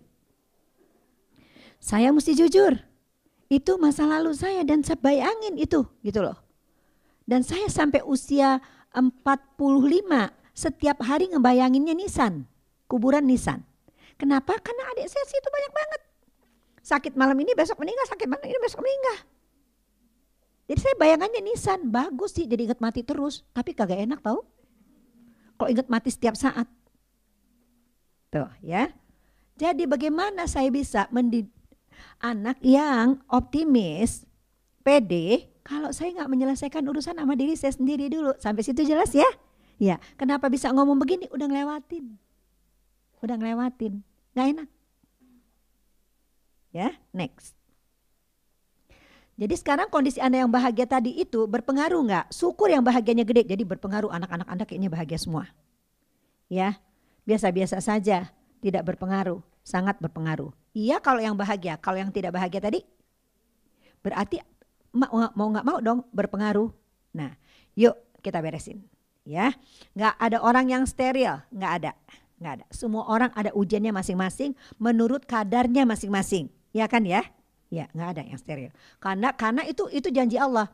Masa tidak aku uji engkau? Jadi bagaimana caranya aku tahu siapa yang sungguh-sungguh beriman, siapa yang enggak? Ya kan, mana yang sabar, mana yang enggak. Jadi ujian menimpa semua kita dalam bentuk yang berbeda. Tinggal sekarang gimana kita mau melihatnya di titik ini karena kita punya anak dan kita kepengen anak kita pede. Bukan hanya pede aja, mandiri, bertanggung jawab dan sebagainya. Tapi topiknya itu sekarang itu aja dulu. Next. So you got to nurture your own self-esteem. Ya, nurture it, asuh. Ya, diperbaiki, dibimbing, dirubah, nurturing. Ya, you nurture your own self esteem and they'll have a great role model. Walaupun saya sampai usia segini saya berkali-kali minta maaf sama anak saya. 36 tahun, 33 tahun, 26 tahun. Berkali-kali minta maaf. Sudah lama orang mama gak sakit jadi kayak begini udah alhamdulillah sudahlah ma. Ya. Kenapa? I'm nurturing my own self esteem. Oke. Okay. Mengapa? Karena ibu saya juga begitu terhadap saya. Ya, enggak dua bulan sekali ya. Oke lah ya nak ya. Maafin mama ya sayang. Kalau ada di sana sini mama kurang ya nak. Itu ibu saya. Ya, next. Jadi ini yang teman-teman harus lakukan. Oke. Silakan. Siapa yang mau berbagi sama saya sekarang sebagai jadi contoh untuk kita jadikan ini bersama-sama. Siapa yang mau uh, jadi relawan untuk mengatakan bahwa dia sering terganggu sama perasaan terhadap mertua kah, terhadap adik kah, terhadap suami kah, terhadap apakah. Saya mau satu orang rela dong jadi contoh mau mengemukakan share masalahnya. Siapa yang bersedia? Biar jadi contoh, boleh nggak? Mau? Oke, okay. Oke. Okay. Oke okay ya, sekarang tunggu ya, saya bikinkan kognitif diary-nya. Oh, kamu ketik di situ ya, Pi. Pi ketik di situ ya, biar gampang. Teman-teman ini banyak sekali yang saya sudah lakukan sebetulnya dalam setting pelatihan dan setting konsultasi menulis kognitif diary. Ya, saya sudah minta izin sama teman saya ini. Sebentar ya, dia dokter gigi, lulus kumlot dari UI, bersuamikan suami yang hebat, pintar, lulusan luar negeri, tapi innalillahi wa inna ilaihi kerasnya luar biasa. Nah, setelah lama-lama-lama saya ketahui bahwa kebetulan sekali, kebetulan sekali ayah mertuanya itu adalah temannya ayah saya dulu. So I know their family. Jadi pokoknya percaturan antar suami istri itu membuat si dokter gigi kumlot cantik manis anak tunggal menjadi tidak bisa bicara sama sekali. Ya, sedih nggak? Sedih banget. Saya menahan-nahan air mata saya setiap kali ketemu dia. Karena saya pikir tong apa? Saya jadi ibunya. I raise you very well.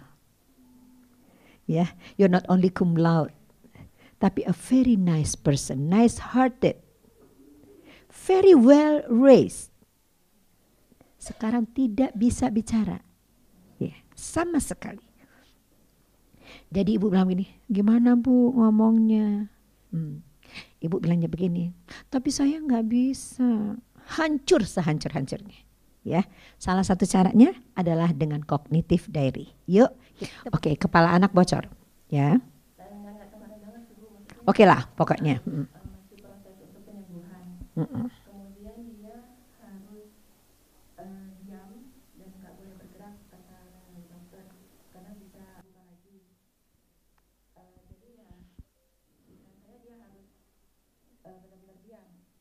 Harus benar-benar diam.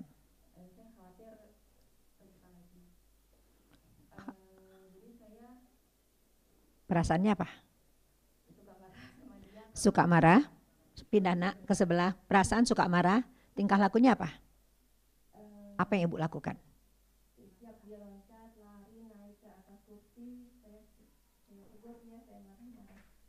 Oke, tegur dan marah-marah. Sekarang sekarang pikiran yang baru adalah itu anak umur berapa ya? Iya. Kira-kira wajar nggak ya dia nggak bisa untuk diam tenang supaya lukanya nggak terbuka lagi begini terus nggak menggerakkan kepalanya? Eh?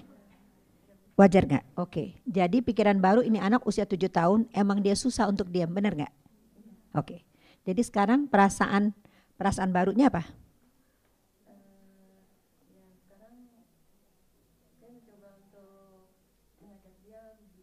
No, no, no, no, perasaan. Kalau perasaan tulisnya perasaan ya. Jangan dipindahin ke yang lain. Oke. Sekarang dengan dengan dengan pikiran baru, dengan pikiran baru bahwa uh, ini anak emang tujuh tahun, emang anak segitu kerjaannya lari-lari dan lompat-lompat. Dia anak laki-laki, ya kan? Jadi dengan pikiran baru itu, perasaan yang tadi marah sekarang Lebih sabar. Bukan lebih sabar, lebih nerima kan ya? Oke. Jadi tingkah laku yang baru apa?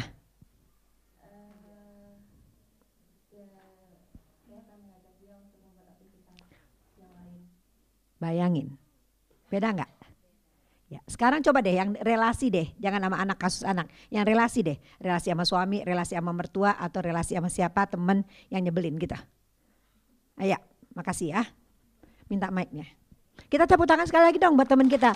Dia beliau berani malu buat kita semua ya.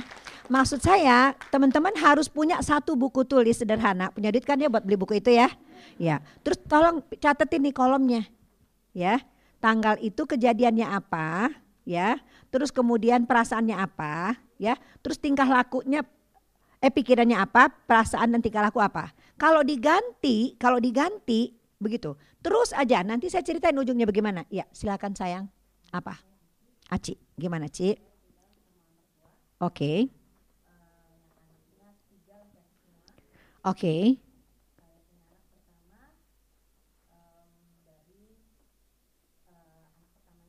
Oke. Cucu pertama dari anak pertama yang seluruhnya laki-laki. Oke. Oke.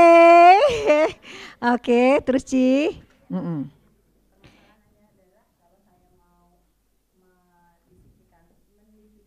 Anak saya, mm -mm. Oke. Ya situasi kalau mau mendisiplinkan anak dila, dihambat ya oleh mertua. Oke, terus pikirannya Aci? Pikiran Ki, Ci. Pikiran gimana? Pikiran dulu, Ibu belum tanya perasaan Neng. Gak apa-apa, kita tampung.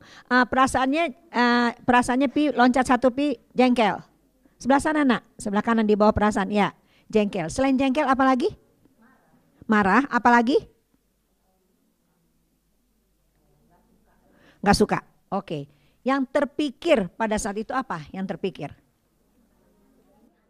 Iya, baru aja gue mau bilang anak-anak gue nih dapat jadi lo yang rese gitu ya. Anak-anak gue, iya, anak-anak gue. Terus apa lagi? Suka-suka gue dong. Oh iya, anakku harus ikut aturanku. Iya, ini anakku, anak uh, dia harus ikut aturanku. Oke, sekarang ya ke berikutnya pikiran yang baru. Kenapa ya si nenek itu begitu? Sayang. Nah, terus sayang, tulis lagi. Terus ya, semua alternatif, semua kemungkinan tulis, ya. Tulis. Kita kok cuma teori doang, kita pulang nggak bisa ngapa-ngapain, ya enggak? Yang ngeterapinnya susah, apalagi kalau kita masih punya masalah sama diri kita sendiri. Jadi kita mesti praktek sendiri. Kalau teman-teman mau silakan ambil saya ngomong, teman-teman bikin anu anunya sendiri atau enggak pulang nanti. Baik. Sekarang uh, uh, uh, Ci ya, pikiran yang baru, dia peduli. Namanya ini cucu pertama. Gitu kan ya Ci ya? Oke, terus apa lagi Ci? Dia pengen yang terbaik buat cucunya. Oke Ci, next.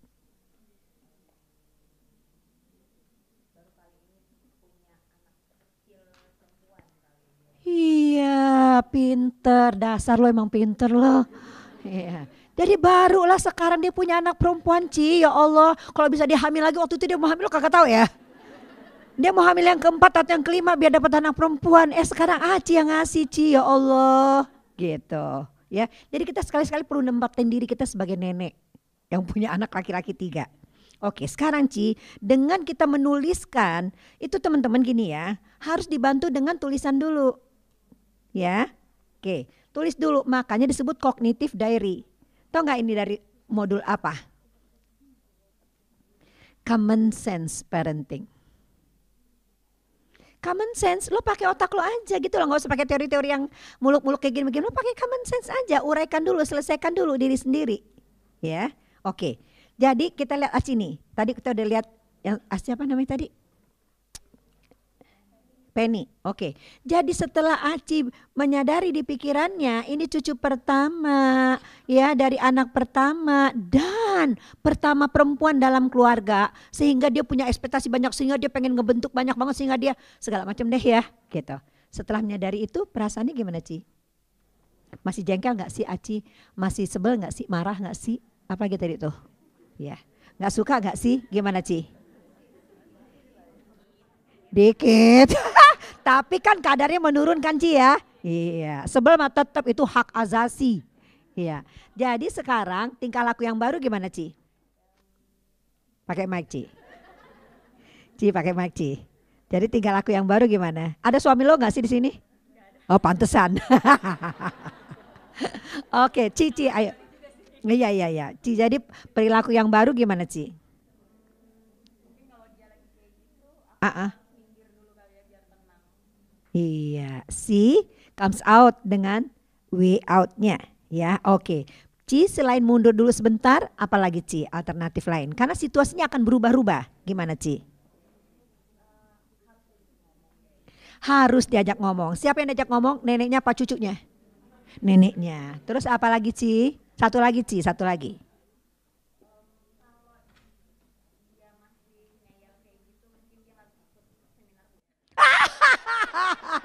Itu Ci yang gue tunggu-tunggu.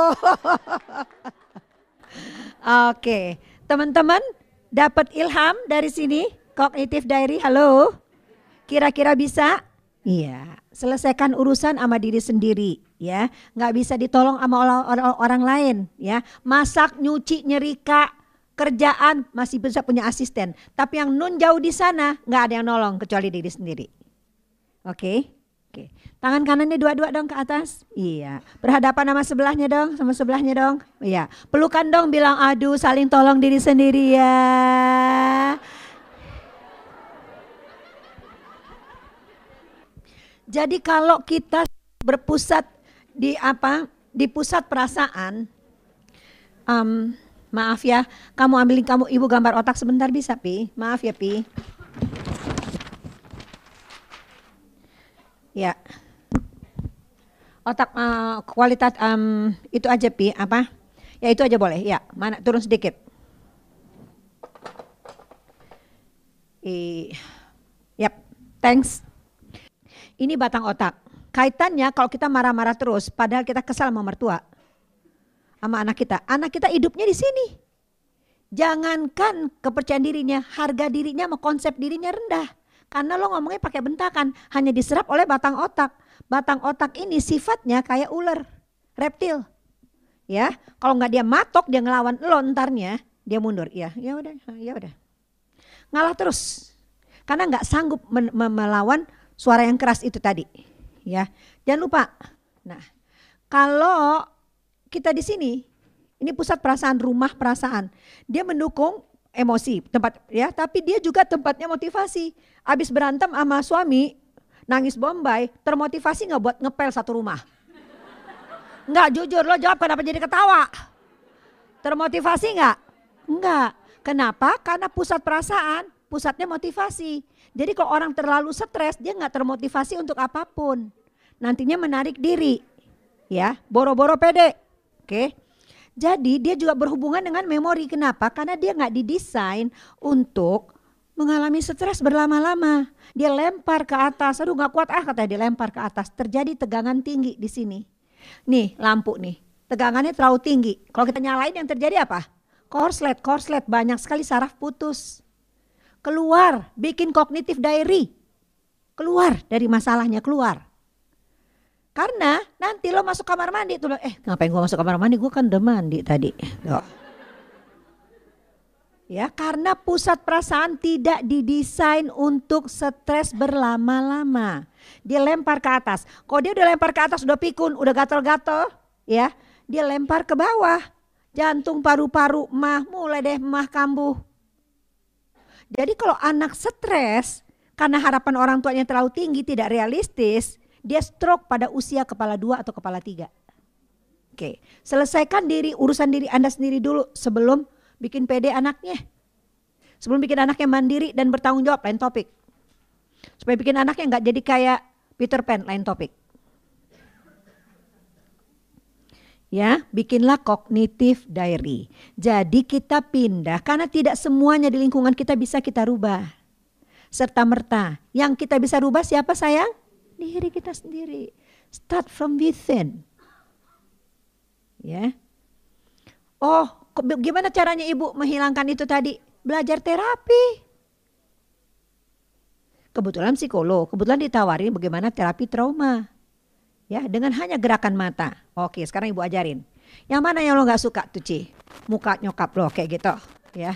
Lo pandang, lo bayangin datengin tuh wajah nyokapnya ngatur. Bukan begitu. Seberapa seberapa seberapa seberapa perempuan seberapa gitu. Misalnya gitu, Ci, tuh hadirkan. Oke, gerakan mata. Ini EMDR, eye movement desensitization reprocessing. Oke. Nih. Buat ibu ya, buat saya ya, terjang aci dia. Buat ibu itu apa namanya? Uh, apa namanya ini? Nissan. Ya, Nissan, Nissan, Nissan adik, Nissan ini, Nissan semua, Nissan kuburan, kuburan, kuburan. Tuh, dah. Ibu tampilkan ini, tampilkan di sini. Terus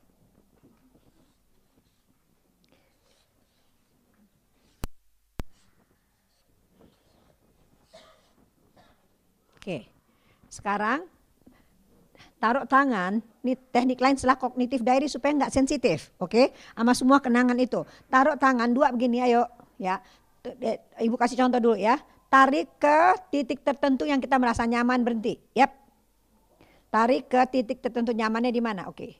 Sekarang buat tanda begini nih, still. Nih. Ya, boleh ke kanan, boleh ke kiri nih. Oke, ya giniin, nih. Ya, mata ikut tangan bukan ya nih. Tuh, terus sambil bayangin kalau ibu kuburan. Kalau si Aci wajah mertuanya.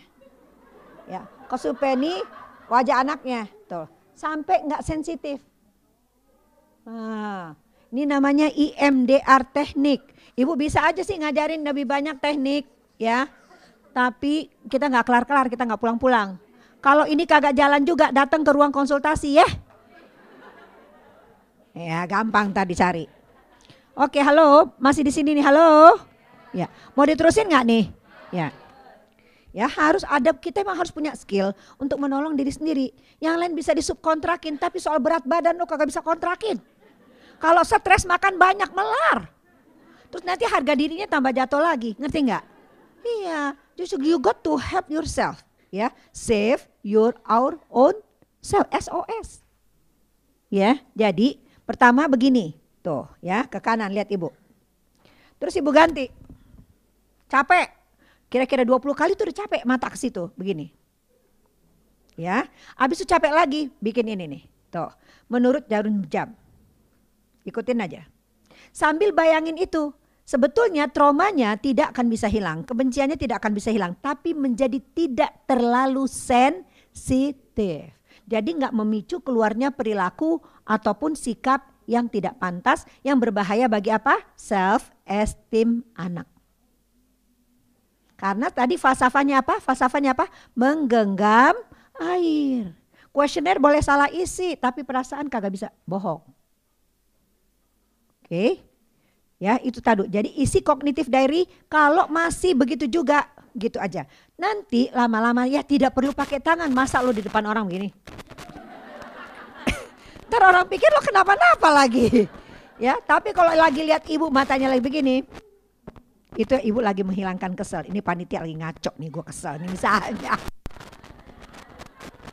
Ya, atau ada orang yang nyebelin ibu tadi di jalan gitu SMS-nya jahat, kita mau ngisi depan 150 orang, perasaan terganggu, langsung buang, sat.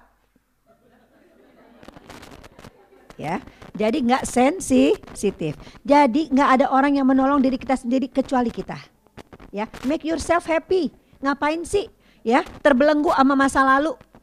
Sama situasi yang sebetulnya tidak mengharuskan kita berbuat begitu terhadap anak kita. Jadi teman-teman sekalian ini setengah hari ini udah satu setengah jam cuma ngomongin tentang diri kita doang. Ya. Banyak orang nggak ngerti bahwa untuk menjadi orang tua dia harus menyelesaikan urusan dengan dirinya sendiri dulu jadi makanya parenting kalau psikolog ngomong terus aja ngomong bagaimana anda memperlakukan anak anda begini begini begini ya delapan fungsi keluarga.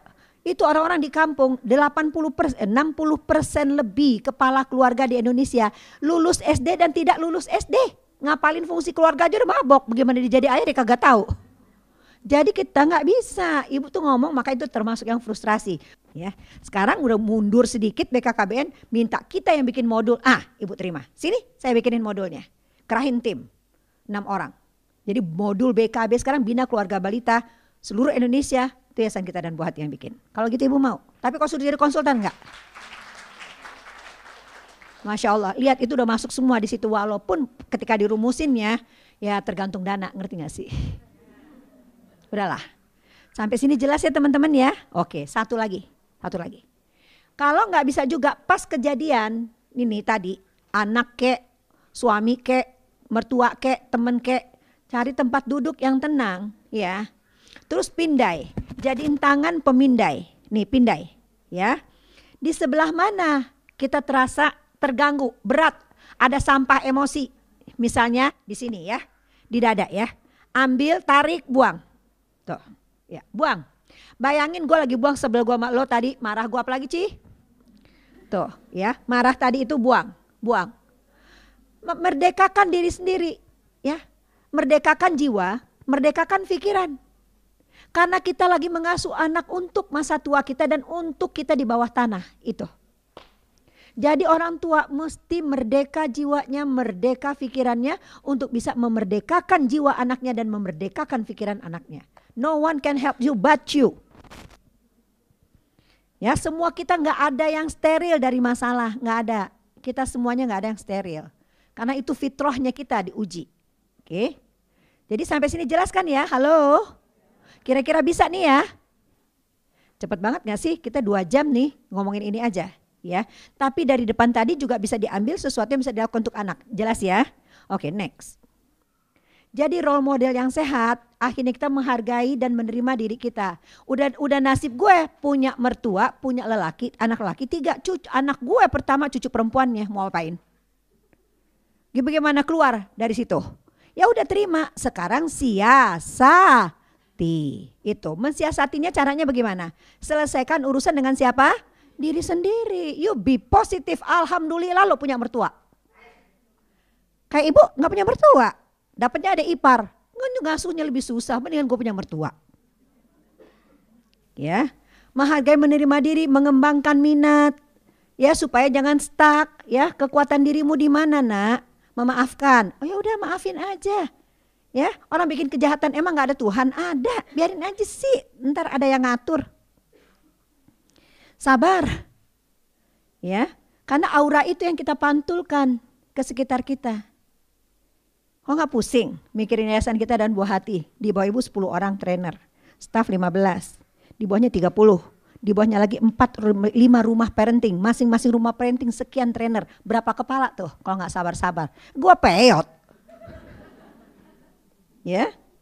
Jadi kembangkan minat dan kekuatan diri, hargai upaya yang dilakukan. Kita udah bisa bikin kognitif diary aja, hargain. Alhamdulillah gue sekarang jadi bisa lebih tenang nih ngeliatnya. Ya gue gak terbelenggu sama perasaan gue kemarin, jadi gue gak stres terus. Ya itu kita mesti nolong diri kita nggak bisa nak, nggak bisa orang lain. Ya pandangan jadi positif. Alhamdulillah dia mau cucunya lebih baik tuh. Dia belum apa-apa, baru satu kali ngisi kognitif diary udah positif. Ya, terus pandang gunakan rasa humor. Iya ya Maya lucu juga ya Maya. Lucu sih ya, baru punya anak perempuan satu sih Maya. Oh, rasanya pengen dingin-dingin ya sih gak sih? Aku tuh ngerasain deh Ma kalau kayak jadi mama gitu. Bisa gak sih lucu begitu sih? ya, ya di, dibuat lucu aja karena nggak ada yang nolong diri kita, nggak ada, ya. Jadi anak juga jadi belajar bagaimana situasi nanti lama-lama kan sambungan otaknya jadi sempurna tuh umur 7 tahun. Dia akan suatu waktu bilang ya Allah mama sabar banget ya mama mau oma ya. Oke, okay, next. Ya, beri waktu untuk dirimu, ya, tapi jangan kebanyakan me time. Ya, yang jalan-jalan ke restoran gitu maksudnya. Ya jahit lah, bikin bunga, bikin bros, ya something menulis kayak kayak Hana di apa? Catatan harian seorang istri. ya, yang ketawa berarti nonton. Terus Anda berharga sebagai manusia. Bukan sebagai orang tua yang sukses. Orang tua yang sukses itu nanti. Banyak sekali ibu-ibu muda dan ibu-ibu tua juga suka merasa. Gue harus begini supaya anak gue sukses. Harga diri dia letaknya di kesuksesan. Iya. Eh masa depan adalah dinding yang hampa. Yang anak itu akan mengukirnya sendiri. You don't know. Boleh nggak gitu loh melakukan tugas aja sebaik mungkin. Jangan di, di, dikait-kaitkan harga diri kita sama berhasil atau tidak berhasil jadi ibu eh 30 tahun lagi. Ya, jadi please ini nih. Ya. Dia orang tua susah orang- jadi anak saya jadi nantinya kalian jadi gini nih, harus bisa. Harus mampu. Harus begini anaknya harus bisa main piano. Harus ini. Ya, lihat dong anaknya bakat apa enggak. Lagian enggak semua orang bisa harus semua bisa, harus semua bidang sukses. Itu ya dibikin stres sendiri karena mengaitkan kesuksesan sebagai manusia sama peran. Tuh, ya. Tangan kiri gini. Bedain peran, bilang bedain peran sama itu harga diri. Ya. Harga kita sebagai manusia ya ada beda lah sama peran kita sebagai ibu, istri ataupun sebagai ibu. Saya, Masya Allah, Tabarakallah, baru menyadari kemudian saya sukses sebagai istri. Karena saya kawin sama Pak Risman, dia belum sarjana, saya belum sarjana. Dan saya bisa membantu dia PhD. Lulus baik di Amerika. Ya, jadi sekarang saya nggak nggak akan jadi apa-apa kalau orang bilang kawin. Iya, kalau kamu kawin takut karena Allah kawin aja sih. Ya, sama anak-anak juga itu. Kamu cepat dilamar sekarang, kawin aja. Ya, contohnya mama. Ya, I work very hard. Nah, sekarang Pak Risman, saya sejak 10 dua- 15 tahun terakhir, apa saja yang saya mau kerjakan? Apa saja. Ya, karena dia tahu betapa saya menghambakan diri untuk menghantar dia jadi PhD. Saya ngerjakan dirty jobs, babysitting, supaya teman-teman tahu nih. Tapi nggak boleh kecilin orang lain ya. Babysitting, ngurusin kakek nenek, ya apa aja. Karena saya susah mencari pekerjaan karena psikolog saya dan jabatan saya lain nggak laku. Saya catering. Terima pesanan makanan, ibu gado-gado buat 20 orang, ah, ini soto sekian orang. Bisa Bu Eli? Bisa.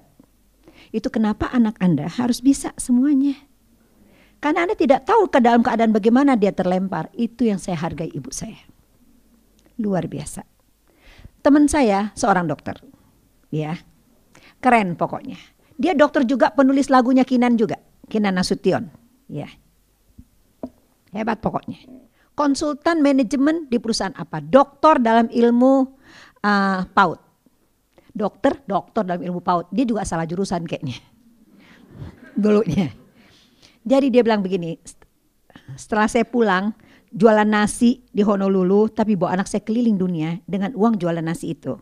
Dia datang ke rumah saya sama istrinya dia bilang, "Eli, gue sumpah El, Duh jadi terharu. gue belajar banget dari lo. Sekarang anak gue pilih mau jadi dokter kayak ayahnya. Gue bilang, sekali waktu kamu akan papa bawa ke rumah tante Eli. Dia psikolog, dia pemimpin perusahaan, dia sebutin lah saya bla bla bla bla. Tapi dia sukses bawa anaknya jalan-jalan keliling dunia dengan biaya jualan nasi demi Allah. Langganan saya tahu berapa? 18 negara. Orang dari 18 negara, jumlahnya 60 orang. Yang masak tangan dua ini. Bayangkan kalau ibu saya tidak dulu mengajar saya untuk sukses di dapur. Bagaimana? Saya nggak bisa mencari pekerjaan dalam waktu satu tahun enam bulan itu kecuali jadi guru bantu yang di TK tadi itu. Yang si Edward, ingat nggak si Edward? Kan itu cuma sampai jam 11 sisanya saya catering.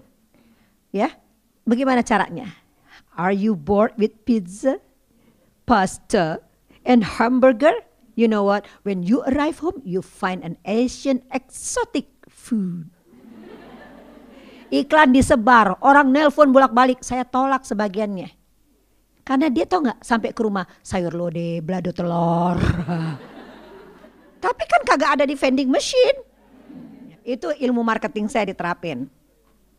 Jadi kalau anak kita cuma pinternya satu aja dan kita bersih tumpu bahwa keberhasilan itu dia baru pede. Kalau sukses akademis, ya mati deh loh. Cuman itu doang lo dapet nih.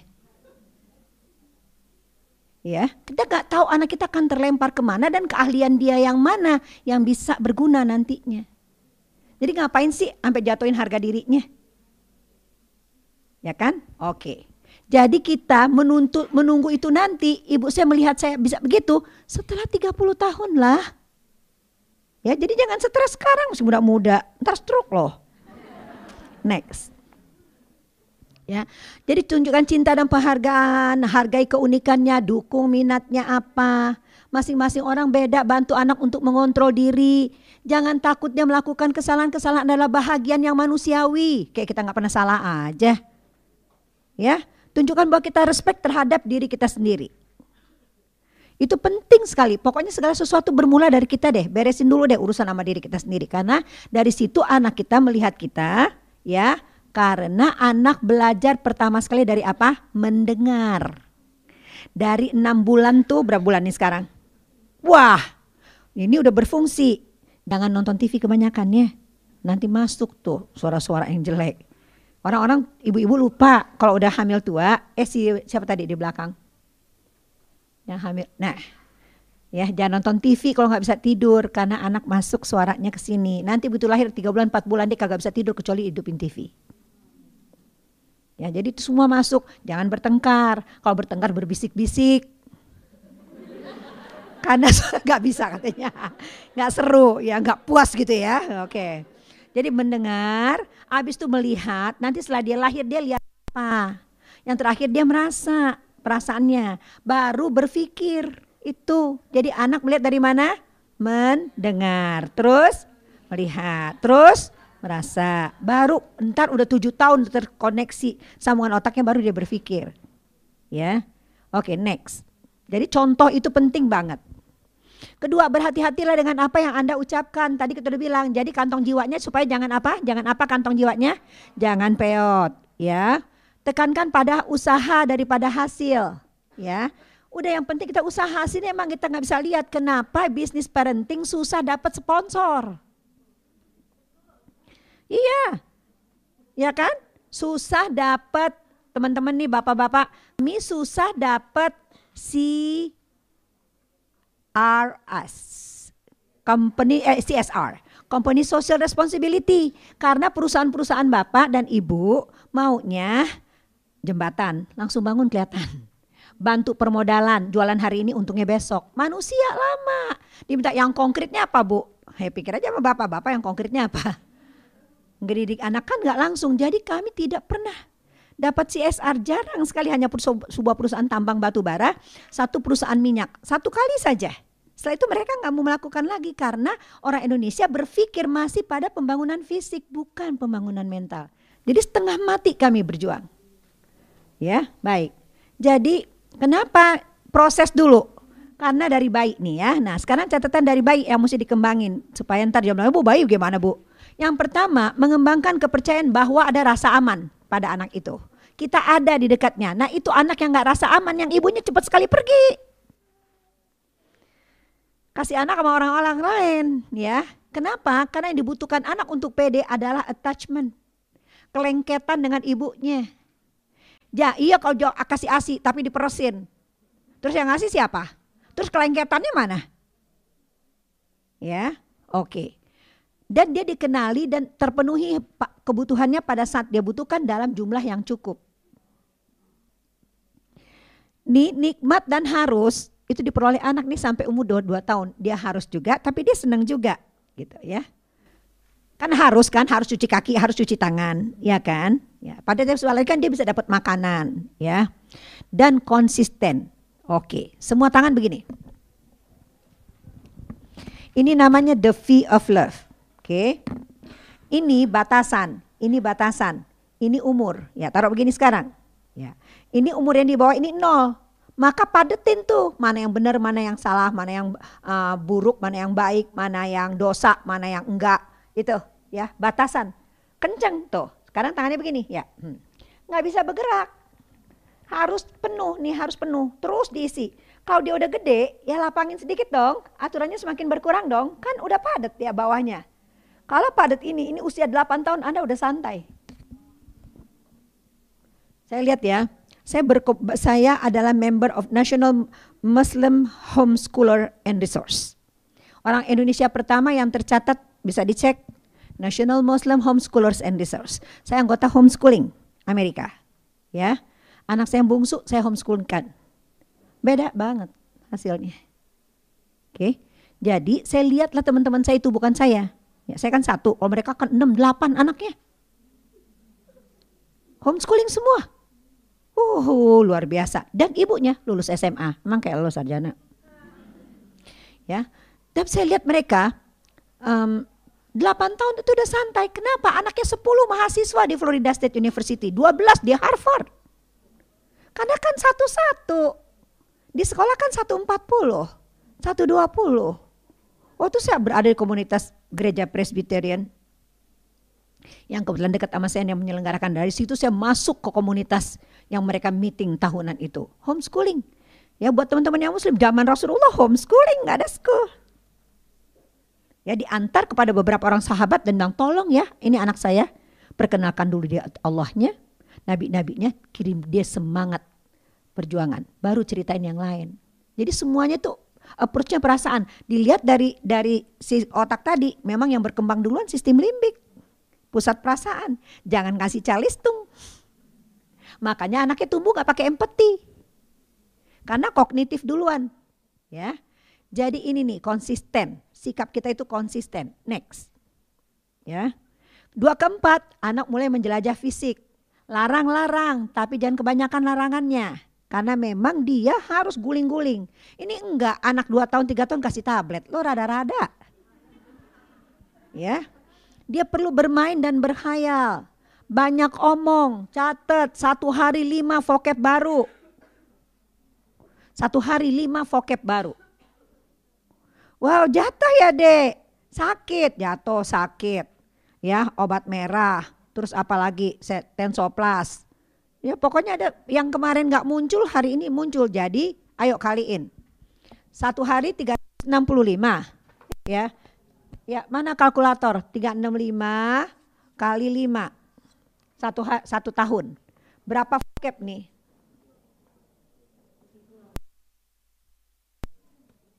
Satu tahun kali empat. Kan sampai empat tahun tuh. Kali empat jadi berapa? 7.300. Berapa kosakata anak Anda sekarang umur empat tahun? Lebih enggak?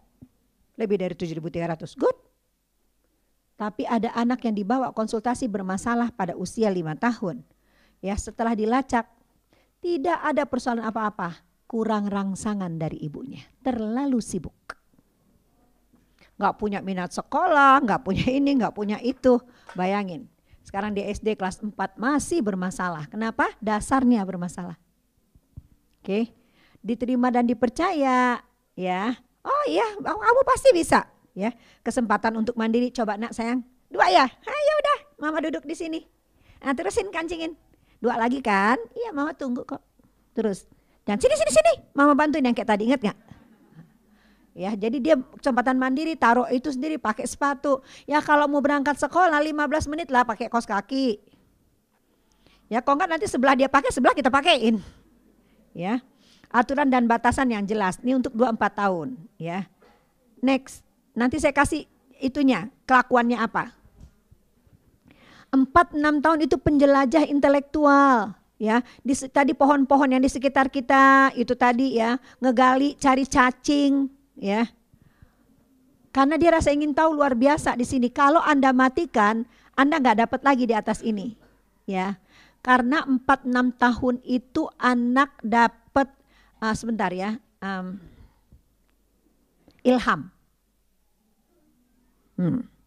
Ya, di atas enam tahun dia nggak dapat lagi karena itu ilham di luar sense, di luar sense. Ya, identifikasi ke, ya dia dirinya laki atau perempuan, kreativitas, intuisi di sini. Nah, yang saya maksud tadi itu intuisi itu keras banget di usia 4 6 tahun. Kalau Anda nggak kasih dia ruang, dia nggak pernah nggak nggak akan berkembang intuisi, intuisinya. Padahal intuisi itu rasa untuk mengetahui apa yang akan terjadi gitu ngerti nggak? Feeling di ah, ah, di luar di luar ini, di luar panca indera itu intuisi. Di sini nih dia menjadi pribadi lagi berkembang, di emerging person dan terpusat pada dirinya. Makanya nggak bisa lah kita semuanya harus apa uh, terlalu minta dia memperhatikan yang lain. Belum main di, di TK itu nggak bisa main bersama, main bersama-sama. Ya kalau bersama tuh udah share. Guru TK banyak yang nggak ngerti nih Ortu tidak siap ya, terus buru-buru dan kasih hukuman. Oh udah deh, intuisinya mati. Bayangin dia jadi orang dewasa yang nggak intuitif. Next. Ini masa damai, Ya tenang, udah nggak nanya-nanya lagi karena lebih banyak ke dalam dirinya. Buat dia teman lebih penting. Kalau Anda tadi sampai 0 sampai 6, kurang-kurang kasih dasar, Anda ditinggal sama sekali sama anaknya. Ya. Acuan tata nilai itu penting banget dari awal tadi, pergaulan yang lama, idolanya udah di luar rumah, temennya aduhai. Harusnya dia udah total mandiri nih. Ingat nggak the fee of love? Delapan kan? Iya. Harus delapan itu patokan delapan yaitu satu tahun setelah pusat-pusat di otak di kepala bersambungan. Itu patokannya. Jadi satu tahun, tujuh tahun pusat di otak bersambungan, kasih satu tahun, dua tahun ekstra lagi deh. Sampai sepuluh deh, tiga tahun. Baru pukul kata Allah. Eh kata Rasulullah, sorry. Jadi dia sepuluhnya harusnya udah mandiri. Kalau segini juga belum mandiri, lihat kembali ke dalam diri Anda. Yang salah mana? Ya telat banget belum mandiri. Next. Ini deg-degan ya, harga diri jatuh bangun. Jadi harga diri itu dia jatuh bangun sesuai dengan perkembangan orang. Ada dia baru mulai uh, lulus kerja, lulus uh, perguruan tinggi. Terus dia misalnya mau masuk kerja, dia self esteemnya lagi rendah banget karena persaingan misalnya perguruan tinggi. Itu biasa jatuh bangun itu. Begitu dia kerja sukses, harga diri naik lagi. Jadi harga diri itu memang up and down. Jadi jangan nuntutnya stabil, kita juga up and down. Ini perannya malah jadi dia kayak orang tua kita, banyak ngatur, cinta monyet ya, aktivitas luar sekolah banyak sekali dan hati-hati dengan gaya hidup sekarang. Karena anak SMP mulai oral seks dan pacaran dan ngeseks di kelas. Next. Jadi kalau dibikin ininya ini foto aja ya, nggak usah dijelasin satu-satu. Makan sendiri harusnya 14 bulan udah bisa. Pakai baju. Ini kemandirian juga, harga diri juga. Harusnya dia pada usia ini udah kita kasih ginian gitu loh Ya ngikat tali sepatu tuh 4 tahun 6 tahun lah. Masa kalau dia masih dipakein juga. Masa babysitter semua muanya. Ada anak yang didatangkan kepada saya SMA kelas 2, babysitternya masih tinggal di kamar. Bayangin tuh anak mukanya begini Merasa tidak dimengerti dan tidak dipercaya, merasa tidak berharga. Anda tidak bisa bayangkan dia melakukan apa di luar sepengetahuan ayahnya. Ya, sudah ya, lipat cucian udah mulai dilibatin. Nanti saya ngomongin kenapa dia taruh baju kotor, ngelap furniture, nyiram tanaman. Ya beliin ituan tuh yang tau nggak keimanan anak-anak. Ya, next. Ini pilih baju untuk besok, ngatur meja, mandi, bersih, ya terus taruh belanjaan, pulang belanja, ya berkebun, belanja groceries. Belanja groceries itu udah sekaligus memperbandingkan harga ingredients sama uh, beratnya berapa gram, ke harga halal haramnya tuh anak harusnya udah bisa pada usia 8 10. Ya, cuci sepeda motor, belanja baju sendiri walaupun salah. Oke. Okay. Karena dia jadi ini ini menyangkut harga diri soalnya dan akhirnya dia jadi pede ke depannya untuk melakukan pekerjaan ini. Dia bisa. Dia mampu. Itu kan tadi kan di depan kan? Ya. Next. Oke, ya yang penting apa? Yuk kita ngomong bareng-bareng. Try, try, try. Salah nggak apa-apa. Ya, coba lagi, coba lagi, coba lagi. Jadi kalimat yang harus ditanamkan kepada anak adalah coba tanya apa lagi, apa lagi, apa lagi. Ya, coba apa lagi? Ya, apa lagi? Ya. Jadi kita tanya mana? Udah selesai itu ya. Jadi apa lagi? Nah, jadi biasakan itu apalagi, apalagi, apalagi. Itu melatih dia berpikir ya what next, what next, what next gitu. Apalagi, apalagi, apalagi. Oke, okay, next. Kedua ya, berhati-hati dengan apa yang Anda ucapkan. Kita udah ngomongin ini tadi ya. Tadi ini tadi tekankan pada usaha daripada hasil yang kita bahas tadi per usia itu loh ya. Identifikasi bila konsep diri yang dibentuk anak salah selama ini. Jadi itu Anda perbaiki dulu. Dengan cara gimana? Memperbaiki siapa? Ya, ya, lihat ke dalam. Kadang-kadang anak memang nggak punya bakat dalam hal tertentu atasi dong, bantu dia mengatasi kekecewaannya karena dia emang gak bakat matematik sama sekali, kayak emaknya. Ya, ketika tiga anak saya nggak kuat matematik, emaknya enggak. Jadi kenapa saya harus karena saya tidak saya tuntut dia tinggi gitu. Nah ternyata saya proof, oh nggak bisa kalau dengan teori pengajaran di Indonesia. Setelah dia pergi ke Amerika, dia straight A. Karena gurunya mengajarkan matematik dengan menyenangkan. Jadi saya udah salah belum selama ini? Tuh ya, jadi nggak semua anak. Saya sangat suka masak, tidak ada anak saya yang suka masak. capek lihat maknya masak catering dari kecil. Trauma kali. Hmm, ya, tapi dia masak buat anak istri suaminya dia masak gitu. Tapi nggak nggak ada yang sampai suka. Bungsu udah sampai menghias-hias dia. Dia nggak puas kalau makan begitu aja, dia mesti taruh dihias. Lebih-lebih lagi ya. Tapi belum berkembang sepenuhnya, biarin aja karena akan ada waktunya. Jadi nggak semuanya harus bisa accomplish sekarang gitu loh. Ya, pendekatan yang hangat dan humoris membantu anak mengenali dan menghargai keunikannya. Jadi yang satu nggak suka masak, bebenah. Rumah rapi, kita bawa lucu dia nggak bisa masak. Iya sih, masak bisa dibelinya nggak asal rumah rapi, kita gitu aja ya. Ya, enak kan nih cuman kalau pas bebenah marah-marah semuanya ya. Kenapa sepatu taruh di sini? Tapi dia sangat perfect kalau berbenah. Tinggalin aja dari depan sampai ke belakang, bisa dijilat lantainya. Nggak beneran, ya. Yang kedua lain lagi, yang ketiga lain lagi. Jadi kenali masing-masing anaknya kenalin, ya. Nggak bisa diharapin sama orang spermanya beda, sama sel telur yang jadiin dia beda. Ya, next.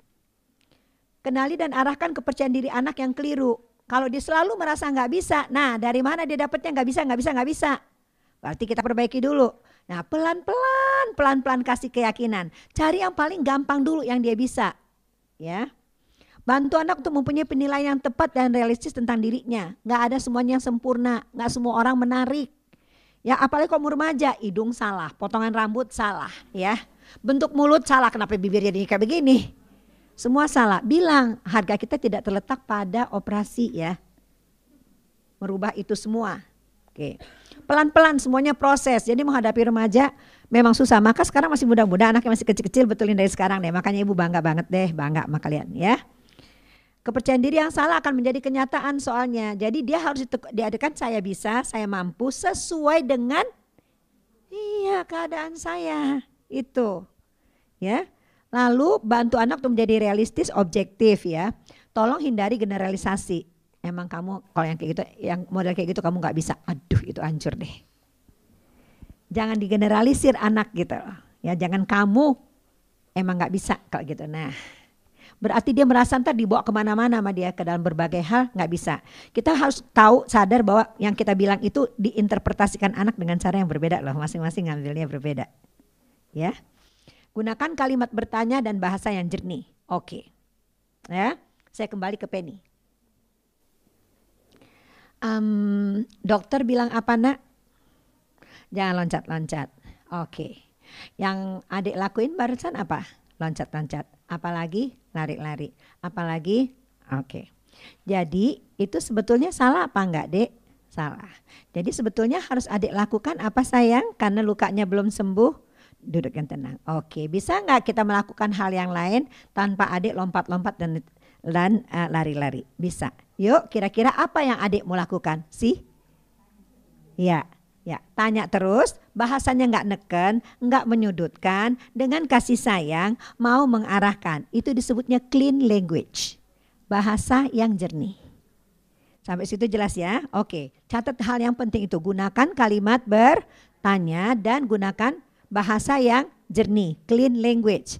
Ya, yang adik maksud dengan menggambar? Ya kita bikin ini mbak, yang adik bisa maksud dengan mainan, mainan apa? Itu clean language. Karena yang mainan di dalam otak kita, menggambar dalam otak kita sama ada yang di otak dia, nggak sama. Ya, jadi clean language ya. Yang kamu maksud dengan bermain, main apaan? Itu samain dulu, samain supaya nggak ngejatuhin, nggak salah tafsir. Ya, next. Spontan dan penuh kasih sayang, kita udah tahu cinta mendorong harga dan kepercayaan diri ya. Banyak-banyak pelukan. Sehingga teman di kantor sekarang merumuskan four hugs a day. Ya, minimal. Banyak teori ini tentang hugs ini ya. Cara lain adalah kirim pesan, bisa anak nggak tahu kotak makanan ditulisin pesan. Mama sayang banget sama kamu, kamu tahu nggak? Ya. Kalau saya waktu ponakan saya masih kecil kemarin saya ketemu dia udah berapa dua bulan tiga bulan nggak ketemu. Saya bilang Ikram gitu dari jauh. Ah, dia pakai kacamata lari. Dia peluk saya. Eh Ikram, masya Allah udah hampir setinggi mama. Ponakan saya panggil saya mama. Kram, inget nggak Kram? Waktu kecil mama bilang apa? Kram tahu nggak Kram? Kram tahu nggak Kram? Itu yang ditanya dia itu disebut itu. Kram Kram waktu Ikram kecil mama bilang apa nak? Ikram tahu nggak Kram? Ikram tahu nggak Kram? Karena saya memang nanyanya gitu. Ikram, Ikram, Ikram tahu nggak? Apa Kram? Mama Eli sayang Ikram. Gitu. Jadi sekarang udah gede, udah gede, udah segini saya tanya, Ikram apa Kram? Ikram tahu nggak Kram? Ikram tahu nggak Kram? Dia malu, udah malu ngomongnya. Ujungnya apa Kram? Mama Eli sayang Ikram. Ya, Jadi itu perlu sekali ada kode-kode tertentu yang nggak diketahui oleh orang lain gitu. Kalau yang cucu saya satu, Malik, Malik, Malik, Malik tahu nggak Malik? Iya, ah, Malik, eh, cucu laki-laki nomor dua. Malik disayang manek kan cucu laki-laki nomor dua. Itu yang dia hafalin ya masing-masing anak punya kodenya sendiri-sendiri gitu loh. Punya bahasa rahasia yang membuat dia gitu. Bisa ya bisa ya. Mulai mencipta ya pulang dari sini ya. Ya ikram tau nggak ikram ya cara macam-macam deh bisa macam-macam teman-teman pikirkan saya pasti ini anak-anak muda lebih kreatif ya kalau menghargai memuji pastikan ya Anda mengatakan dengan hati dan gak berlebihan. Oke anak-anak tahu lebay banget ya mama dia lebay ya. Pujian kurang tepat bikin anak merendahkan orang lain dan jadi sombong ya kalau nggak tepat. Cantik sekali, hebat banget, keseringan hebat banget, keseringan cantik sekali. Dia ngeliat semua orang lain lebih jelek dari dia. Ya, jadi pada-padai pada tempatnya. Oke, next. Bantu libatkan anak dalam pengalaman-pengalaman yang berarti ya. Kegiatan kerjasama yang mendorong terciptanya harga kepercayaan diri anak. Misalnya gini kan ada acara misalnya di masjid atau gereja kita. Masukin dia jadi panitia. Sesuai dengan umur. Walaupun cuman ngangkat apa namanya aqua. No uh, taruh gelas aqua ke dalam tempat yang lubang-lubang itu tau nggak? Yang ada tangkinya kayak gitu. Iya. Ya pokoknya apa saja ditugaskan hmm, libatkan anak dengan tugas RT kerja sosial ya. Uh, yang ada itu yang tadi saya maksud. Himbau keluarga dan teman untuk menghargai anak berdasarkan kualitas yang dia miliki bukan ketam, ketam, apa keterampilannya. Misalnya uh, lukisan yang bagus sulaman yang bagus apa aja lah gitu. Duh hebatnya ahli gambar yang baik gitu ya. Oh ini berbakat sekali suaranya dan yang lain ya. Gini maksud saya jadi kita mengajarkan anak dalam rangka mengajarkan anak supaya nggak looks tapi values. Kalau kita tahu anak kita cantik misalnya dan setiap kali disapa, aduh manis sekali ya anaknya Bu Eli Risman. Dia bilang tapi saya juga bisa bahasa Inggris kok tante. Ya, jadi kita bikin list. Ayo sekarang ambil kertas lipat dua. Anak pertama. Oke. Positifnya apa aja? Ya, supaya supaya dia berwarna. Dia bukan satu warna, dia berwarna. Warnanya macam-macam, ya. Nih, bikin list begini. Ya, kelebihan biar cepat. Kekurangan. Oke, fokus pada kelebihan anak kita. Ya. Misalnya apa? Bisa bahasa. Ada anak yang jago banget bahasa. Nanti kita lesin sebentar. Anak saya saya lesin, nggak lesin. Belajar bahasa Prancis uh, 6 bulan, dia juara se-Florida. Karena emang language talentnya tinggi. Suruh yang lain bertahun-tahun kagak jadi-jadi. Ya, jadi bahasa apalagi? Nih, keterampilan tangan, bikin bros atau yang nyelam-nyelam atau yang apa-apa deh. Pokoknya ini nih, ya. Ya, keterampilan. Terus apa lagi ya? Suaranya bagus? Oke, apa lagi? Ya, susun aja. Nih, sebanyak-banyaknya. Jadi dia cantik atau dia tinggi misalnya, ya. Tinggi kualitas yang lainnya yang sering dipuji orang, jangkung amat gitu ya, ganteng amat. Nah, supaya kita mengajarkan untuk values itu tadi, bilang, saya bukan hanya ganteng tante, tapi saya alhamdulillah bahasa Inggrisnya bagus. Saya ngajinya bagus, gitu. Itu tau nggak apa? Buat merubah orang itu, ya jangan lihat hanya looks, ya. Jadi dalam rangka kita meyakinkan anak kita you are valued to me not only because you are beautiful. You're valued to me because you are a nice kid. You're a sweet heart. Itu. Kau buah hati mama, kau yang paling suka negur mama, capek apa enggak itu. Jadi anak kita suruh ngajarin ke orang itu kalau cuma ngelihatnya values, eh looks, ajarkan dia values. Ya. Next. Dua lagi, dua lagi. Positif dan tepat ya, kita mengenali perasaan anak pada saat dia butuhkan, menghargai pilihan yang dia buat, hargai aja dulu, nggak setujunya belakangan. Gini ya, contohnya. Jadi kamu memilih mau jadi apa nantinya? Oh aku mah punya bengkel. Yang bener aja punya bengkel, kata ayahnya. Ya, mau kasih makan apa? Bengkel apa yang kamu punya? Capek-capek di sekolah mak ayah di tangan begini nih. Jadi bengkel, punya bengkel gitu ya. Tuh anak kira-kira up apa down? Apa salahnya tuh ayah? Terus saya tanya ini, jadi kamu gimana? Ya down deh bu. Masa baru ngomong itu belum kelar udah dipatahin. Dia nanya dulu kek bengkel apa? Iya ya nenek belum tanya kamu bengkel apa? Bengkel F1 nek. Coba tuh bapak yang orang perbankan nanya dulu anaknya bikin bengkel apa ya nggak? Nggak cukup kali tuh duitnya dia buat modalin bengkel F1 pertama di Indonesia. Gitu. Jadi kalau anak milih apa, terutama yang berkaitan cita-cita, boleh nggak sih terima dulu? 6 bulan dia berubah. Nggak pernah deh bener. Dia udah aja sih gitu loh. Nanti setelah otaknya berkembang udah jadi mahasiswa ya. Ah, nanti dia akan menentukan sendiri kok sekarang dia mau punya bengkel kek jadi apa sesuai dengan ininya dia ya udah terima aja ya. Oke, dorong anak untuk melakukan pilihan yang baik, tepat lain kali. Kalau sekarang nggak tepat, ya contohnya. Jadi saya bilang sama anak saya yang bungsu, ya, Se SMP, pesantren, apa, uh, eh, MI, madrasah, pesantren katanya. Kenapa pesantren? Begini, begini, begini, begini. Beneran? Iya. Masa anak kelas 6 kita percaya? Ya kan kita mesti bikin perbandingan ini saya contohin tadi pertanyaan di mobil sama, dari Pipi. Jadi saya jalan setiap libur dari Anyer ke Jawa Timur. Ini pesantren Nurul Fikri. Ini, ini, ini, ini. Kurikulumnya ambil dari semua pesantren. Jam belajarnya ambil semuanya. ya Duduk, dibahas. Jadi jangan mempersiapkan anak mau masuk pesantren 6 bulan. Atau di mana udah mau lulus baru tunjuk. Ya, kapan dia berpikirnya, kapan dia memilih, kapan dia mengambil keputusan. Itu kan menyangkut harga dan kepercayaan dirinya lain kali. Ya, udah urut semua. Oke, tetap pilihannya ini. Ulang lagi, kita pergi ke situ, lihat bangunannya, lihat semua semua semua. Gimana? A. Dalam hati saya, duh ini mesti ada cadangan nih. Ya, kasih cadangan yang lain tetap A. Tanggung konsekuensi, tanggung konsekuensinya. Begitu masuk tiga bulan, buyar semuanya. Karena banyak hal yang tadi anak SD kelas 6 nggak bisa mikir. Kita harus udah siap jadi dinding. Ya, Orang tua itu harus jadi dinding ke mana anaknya rebah. Dan harus relax bisa merubah. Gitu, nggak harga mati, paham nggak? Karena kita lagi memperbaiki kemampuan dia memilih. Jadi saya baru habis 15 juta, tiga bulan ganti. Tapi buat saya pilihannya dia belajar seumur hidupnya that you make it a very wrong decision. Ya, karena kamu memilih itu karena temannya. I remind you many times, now I pay for this, but please, ya, learn your lesson. Kadang-kadang harus begitu. Bukan hanya tenaga, uang, waktu.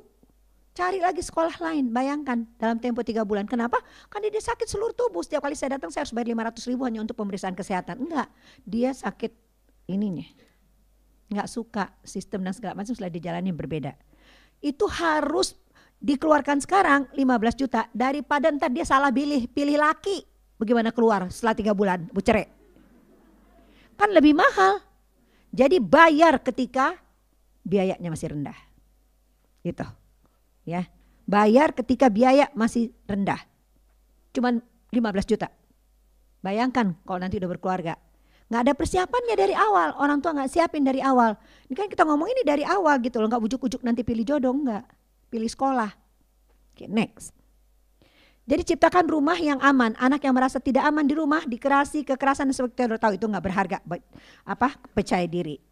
Hati-hati ya anak sekarang korban kekerasan seksual berusia 3, 4 sampai 5 tahun ke atas jadi hati-hati sekali hancur hancur percaya dirinya, hancur harga dirinya. Ya, dan ngobatinnya setengah mati. Ciptakan agar anak berani dan percaya untuk bercerita tentang apa saja. Itu yang juga harus Anda latihkan sekarang. Percaya diri buat ngomong. Tapi kalau kita udah terlalu banyak enggak-enggak dan menekan, bagaimana kita bisa bercerita? Ya itu topik yang lain lagi, kekerasan seksual. Tapi ini sekarang percaya diri juga termasuk dalam hal bercerita. Itu berarti kita punya kesanggupan untuk menjadi pendengar dengar. Pakai dua kuping lebih banyak dari satu mulut. Next. Kalau kewalahan gimana? Dalam semua hal itu tadi, cari bantuan. ya. Berarti semua yang udah teman-teman usahakan lakukan tidak jalan, berarti Anda cari profesional. It's time to for professional help. Oke. Untuk dapat mencari akar masalahnya di mana, barangkali udah kita udah suntuk nggak pegang nggak bisa kelihatan lagi, ya. Kadang-kadang dibutuhkan terapi soalnya, ya, untuk meluruskan pandangan anak tentang diri dan sekitarnya karena mungkin udah kadung salah, mendorong percaya diri dan kapan harus melakukan sendiri untuk tanpa minta tolong orang lain. Kadang-kadang kadang-kadang usahakan dulu sendiri, semua orang punya masalah, ya. Next. Jadi teman-teman, inilah bagian slide saya terakhir. Bertanggung jawab dan bangga terhadap diri sendiri adalah tanda-tanda harga dan percaya diri yang sehat ya. Itu adalah hadiah terbesar yang Anda bisa berikan kepada anak Anda. Selamat berjuang, maaf lahir batin. Assalamualaikum warahmatullahi wabarakatuh. Selamat siang.